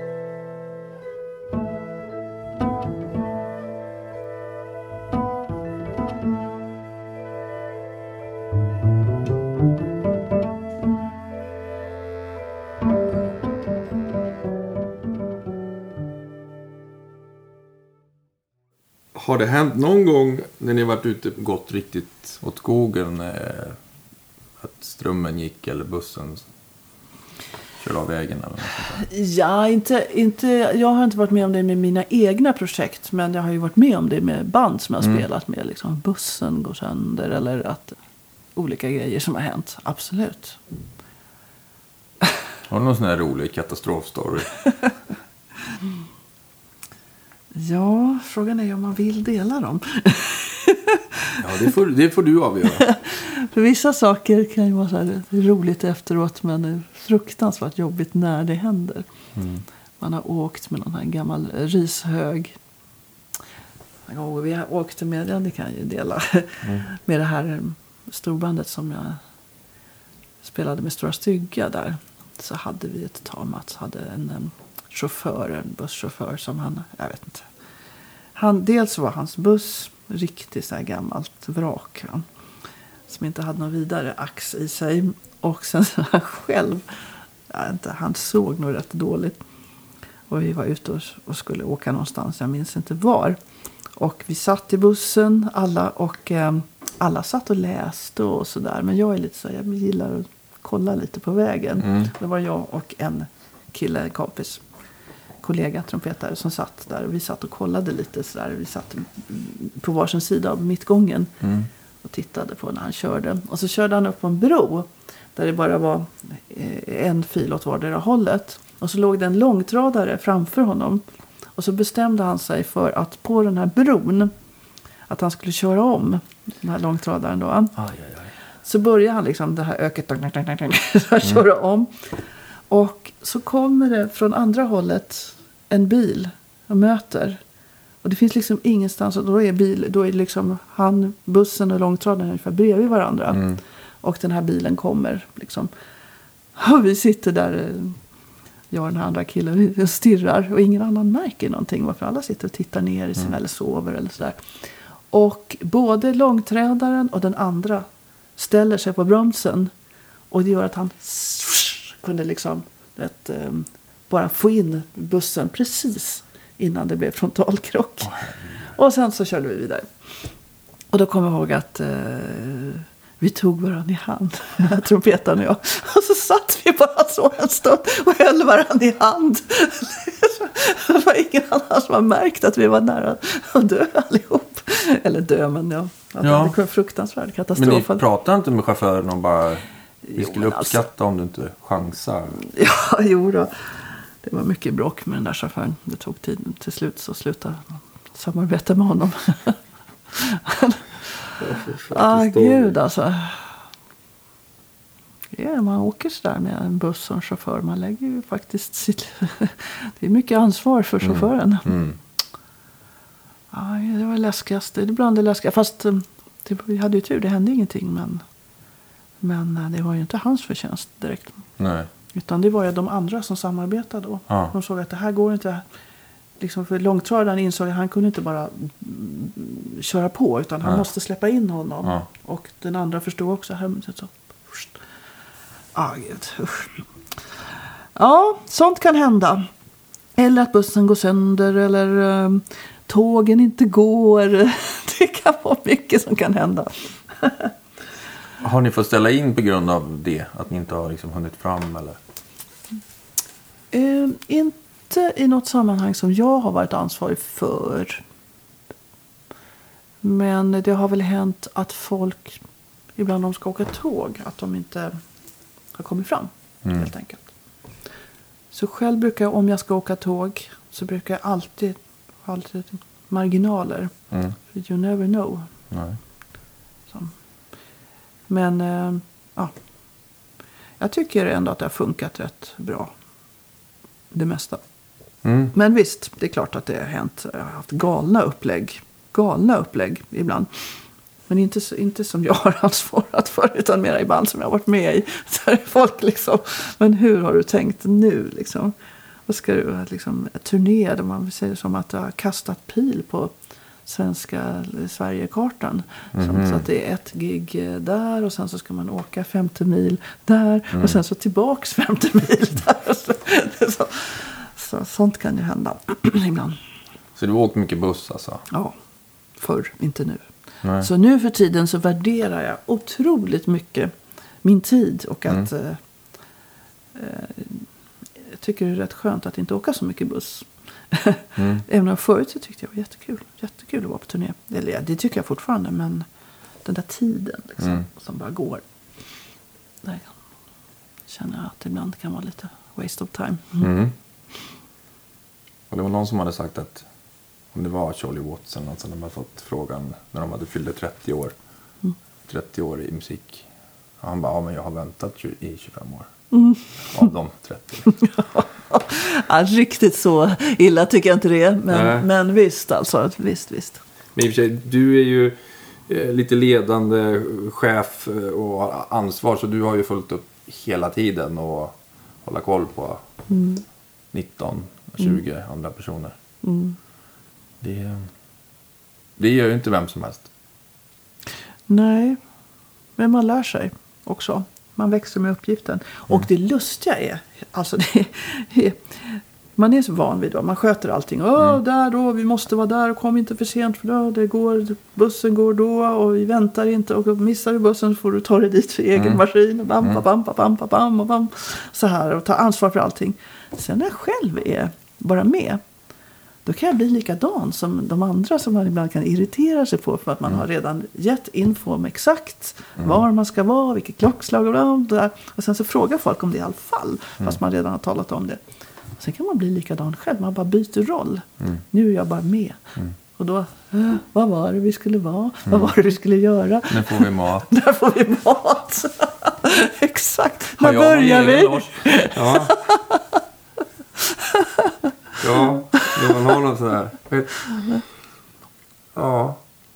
ja. Tänk att ha det jobbet alltid och vara, ha hand om ett band sådär. Då, för man blir ju som ett barn. Mm. Säg till när jag ska göra något. Ja, ja, Och sen när man har hand om dem blir man ju galen på dem. Ja, det, det är intressant det där med information också. Mm. Nu för tiden så när man har mejl så Mm. kan man i alla fall mejla om saker och ting. Det är jättebra. Gruppmejl. Man Mm. liksom, då kan det ändå vara så här om man skulle liksom skriva vi ses där och där. Eh, säga att vi ses på radion, Studio Mm. 4 klockan tre den 2 mars. Mm. Så kan man med vändande mejl få liksom, när är det? Var är det? Vilken tid är det? Jag har ju precis skrivit det. Ja, var, när, hur. Ja. Ja, precis. Det, det är otroligt. Och en annan grej som jag också märkt att om man skriver ett mejl med info och info om olika saker i samma mejl till många personer. Mm. Då kan du vara säker på att halva styrkan har bara uppfattat delar. Mm. Antingen det som stod i början eller det som stod i slutet. Mm. det där är, det är jättesvårt alltså. Mm. Jag har blivit så här nu att jag, jag gör ett mejl för varje grej. Och så skriver man det viktigaste i ämnesraden. Mm. Jag har fått lite klagomål på att det blir så mycket mejl. Men jag tänker ändå att det är bättre för då har man ämnesraden. Mm. Så kan man gå tillbaka till det där mejlet. att Där, där är info om det. Har du feta bokstäver på det Ja, viktigaste? ja, ja. och luft emellan. 72 punkters areal. Eller vad säger du? Jag menar, visst är det så. Ja. Det är, det är jätteintressant tycker jag. Det här med kommunikation och hur man kommunicerar och eh, hur det tas emot. Och, ja, vissa kommer ju bara ihåg hur många öl de ska få efter giget. Eller liksom, men de kommer inte ihåg att de ska med egna instrument eller att vi åker tåg eller buss eller ja, flyg. riktigt, eller... riktigt så illa är det inte i mitt band. Nej, skönt. Det är vuxna människor ändå. Ja. Men eh, jag var ju... Tidigare så var, hade jag klubbar för band då. Mm. Och då skickade man ju ut att ah, men det här gäller om vi ska vara här och Mm, repa och tider. Och, och då var det många som nästan bara kom ihåg att de skulle få två öl efter spelningen. det hade de fokuserat på. Ja, det är fokus. Det- det- Vad som är viktigt. Det kom de ihåg, men de kom inte ihåg det andra. Jaha, skulle vi ha med oss egen backline? Ja, jo. Eh, sådana grejer. Så det är spännande. ja, ja, men det, det, Men det är spännande. är jazzmusikerna bättre på att hålla koll på sig själva än eh, andra eller? Det har jag väl svårt att svara på. Jag har Ja, inte så du- mycket erfarenhet av att organisera någonting där det är några andra typer men av musiker som är med. klassiska då? Är de de klassiska, de, alltså jag har ju aldrig organiserat någonting Nej. där de klassiska. Men i de sammanhang som jag har varit med i. Då är det ju alltid jättebra ordning. Mm. För det ofta finns också. Det finns en struktur omkring Mm. allting.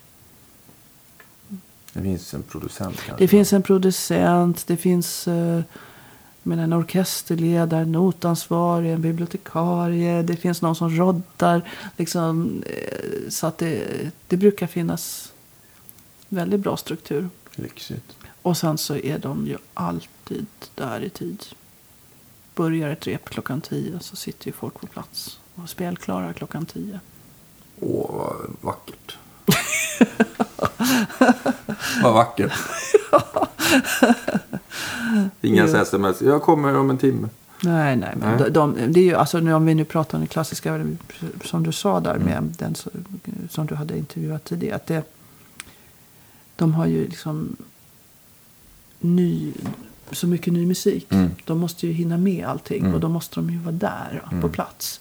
För att det kommer ju annars så mm, bara slå tillbaks på dem själva. För de måste ju ändå göra konserten. Mm. Och det vill man inte ha varit med om att man inte var där. Liksom, Mm. På rep och så. Ehm, Så nej, men det, det tycker jag. Det brukar, de är ju de som har mest struktur egentligen Mm. omkring. Liksom att det finns konserthus, det finns liksom en produktion, det finns Mm. biljettkontor, det finns Mm. liksom hela vägen ner till publiken. Mm. Liksom led, producentled och sånt Mm. som inom jazzmusiken har man ju, är man ju tvungen att vara allt det där. Det är jättesvårt. Om man får sitta i dörren innan giget och ta emot pengar nästan ibland. Och, Mm. och städa efter. Sälja plattor själv. Och så. Mm. Ja. Mm. Men det finns en charm med det också. Ja, visst. Inte alla gånger, men ibland.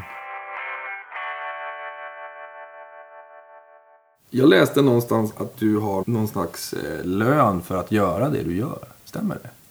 Jag har en eh, sån här inkomstgaranti. Ehm, Jag var en av de sista som fick det innan de tog bort det. Ehm, Men det är, in, det är in, så att det är Ja, det är väl ungefär som att ha a-kassa. Mm. Så jobbar man så får man ju inte några pengar. Nej. Så. Ehm, Men det är ju fantastiskt. Otroligt.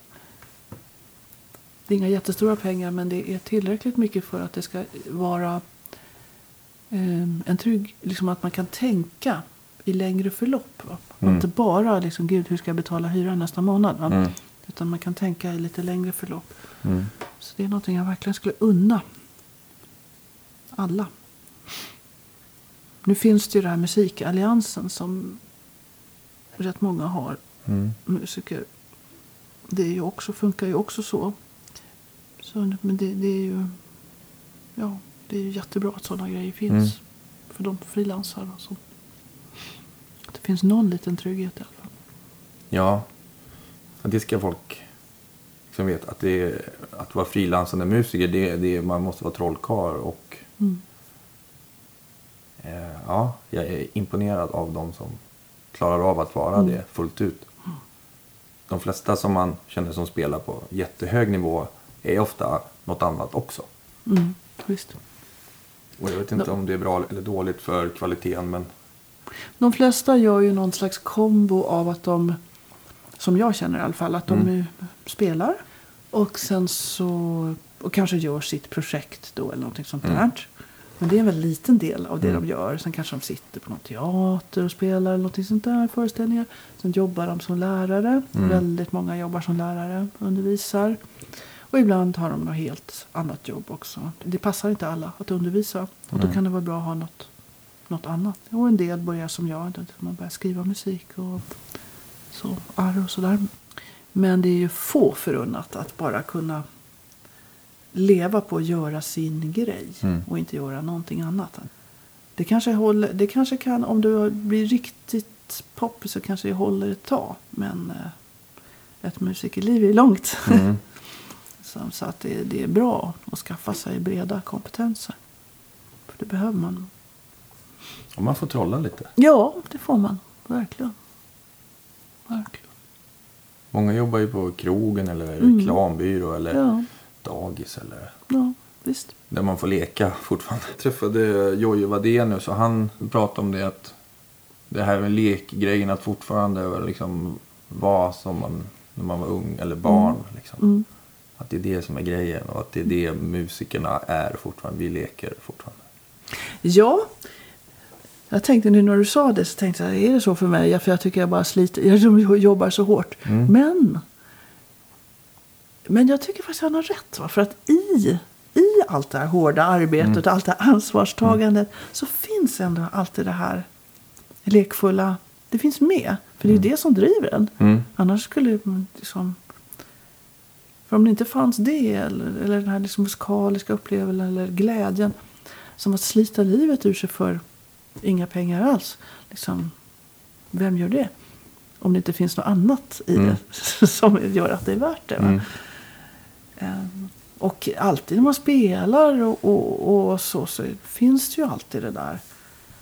Ehm, ja, jag, har, jag tycker han har rätt. På något sätt så kan jag känna, även om jag, när jag sitter och som känner mig väldigt så allvarlig och liksom Mm. planerar och, och ehm, något stycke eller någonting. Så är det ändå källan liksom till skapandet. Det är det här lilla barnet. Mm. Man har kontakt med den här lilla femåringen. Mm. Liksom, som ser på världen med stora ögon. Mm. Nyfikna ögon. Det gäller att ha nyfikenheten kvar. Liksom, så man inte blir blasé eller sådär. Så visst, det tycker jag han har rätt i. Kanske inte alla känner så. Men eh, om man gör någonting som man, där man får göra lite som man själv vill. Mm. Då tror jag man har kvar den. Ja, men vi pratar ofta om det att eh, vi musiker planerar inte våran 65-årsdag så här skönt, då ska jag leva livet. Mm, ja, De flesta gör inte det utan de så här, hoppas jag kan spela till jag är 85. Precis. Vore kul. ja, Det kanske man inte gör om man jobbar på Försäkringskassan. Liksom. nej. nej, det stämmer. Det, så är det. det. Det är inte någonting man ens tänker på. Pension. Nej. Jag minns att jag var nere ehm, och jobbade med Bohuslän Big Band i Göteborg. Mm. Och ehm, ett projekt som jag var delaktig i. Och samtidigt så hade de en annan produktion som de höll på att repa. eh, i, I replokalen där. Och det var med Bengt-Arne Wallin. Just det. Um, och då hade han skrivit det. De hade beställt ett nytt verk av honom. Och han var där och ledde bandet. Och jag kommer ihåg att eh, de delade lite reptiden. Så, här, så att när de repade med honom så satt jag där i soffan liksom fikade lite och kollade. Och det var så härligt. För då vid det här tillfället så var Bengt-Arne 84. Och han ledde bandet. Jättefint. Han hade skrivit eh, jättefin musik. Och han hade en liten synt som han lirade på så här lite grann. Och så ledde. Och så tänkte jag, satt där och kollade på honom. Och så kände jag bara, ja, gud vad härligt. Och vilken liksom, vilken förebild. Va? Att vara Still going strong och eh, liksom nyfiken och klar i huvudet. Och, och fortfarande kreativ. Det är häftigt. Så, ja, det, så visst, absolut. Det vore ju liksom att sluta spela tror jag. Det skulle ju vara döden. Mm. jag, jag vet inte vad vi skulle göra då. Nej. Per Lindvall, trummisen, Mm. sa det att när han blir så gammal så kommer hans barn få hämta honom på någon pub någonstans. För där kommer han sitta och spela trummor. Även fast ingen vill lyssna. Det kommer aldrig hända att det är ingen som vill lyssna med honom tror jag. Nej. Så han var inne på samma grej. Att Ja, visst. Det är mäktigt. Ja. Jag minns ett tv-program som jag såg för det är länge sedan. Ehm, Det var med två, Juby Blake, pianist. Han var en ragtime-pianist och har skrivit jättemycket låtar. Och han blev 100 år gammal. Och i det här programmet var han 96. Eh, Det var liksom han blev intervjuad och så här. Och sen så var det en sångerska med, Alberta Hunter. Hon är en New Orleans blues-sångerska. Ehm, och vid det här tillfället då så var hon 84. Han var 96 och hon var 84. Och de blev intervjuade i det här programmet, en amerikansk så här talkshow. Och sen så lirade de en grej på duo. Och han spelade och hon sjöng och han liksom oh yeah yeah yeah. Hon liksom, och sen så när han lirade så hon yeah. Och de hade så underbar musikalisk samvaro. Ja. De satt där eh, och så kände jag att gud vad underbart. Mm. Liksom. 96 och 84. Som två unga människor. Mm. Inte, de såg inte unga ut men liksom inuti. Mm. Jag lekte ju fortfarande. Ja. Så, underbart. Ja, det är underbart. Ja, jag skulle vilja tacka dig för att du kom hit. Tack, vad kul att komma hit. Eh, Det har varit en stor ära och eh, jättekul att få höra. Tack, det var jätte- en ära att få komma hit. Ann-Sofie, en stor applåd. Ja.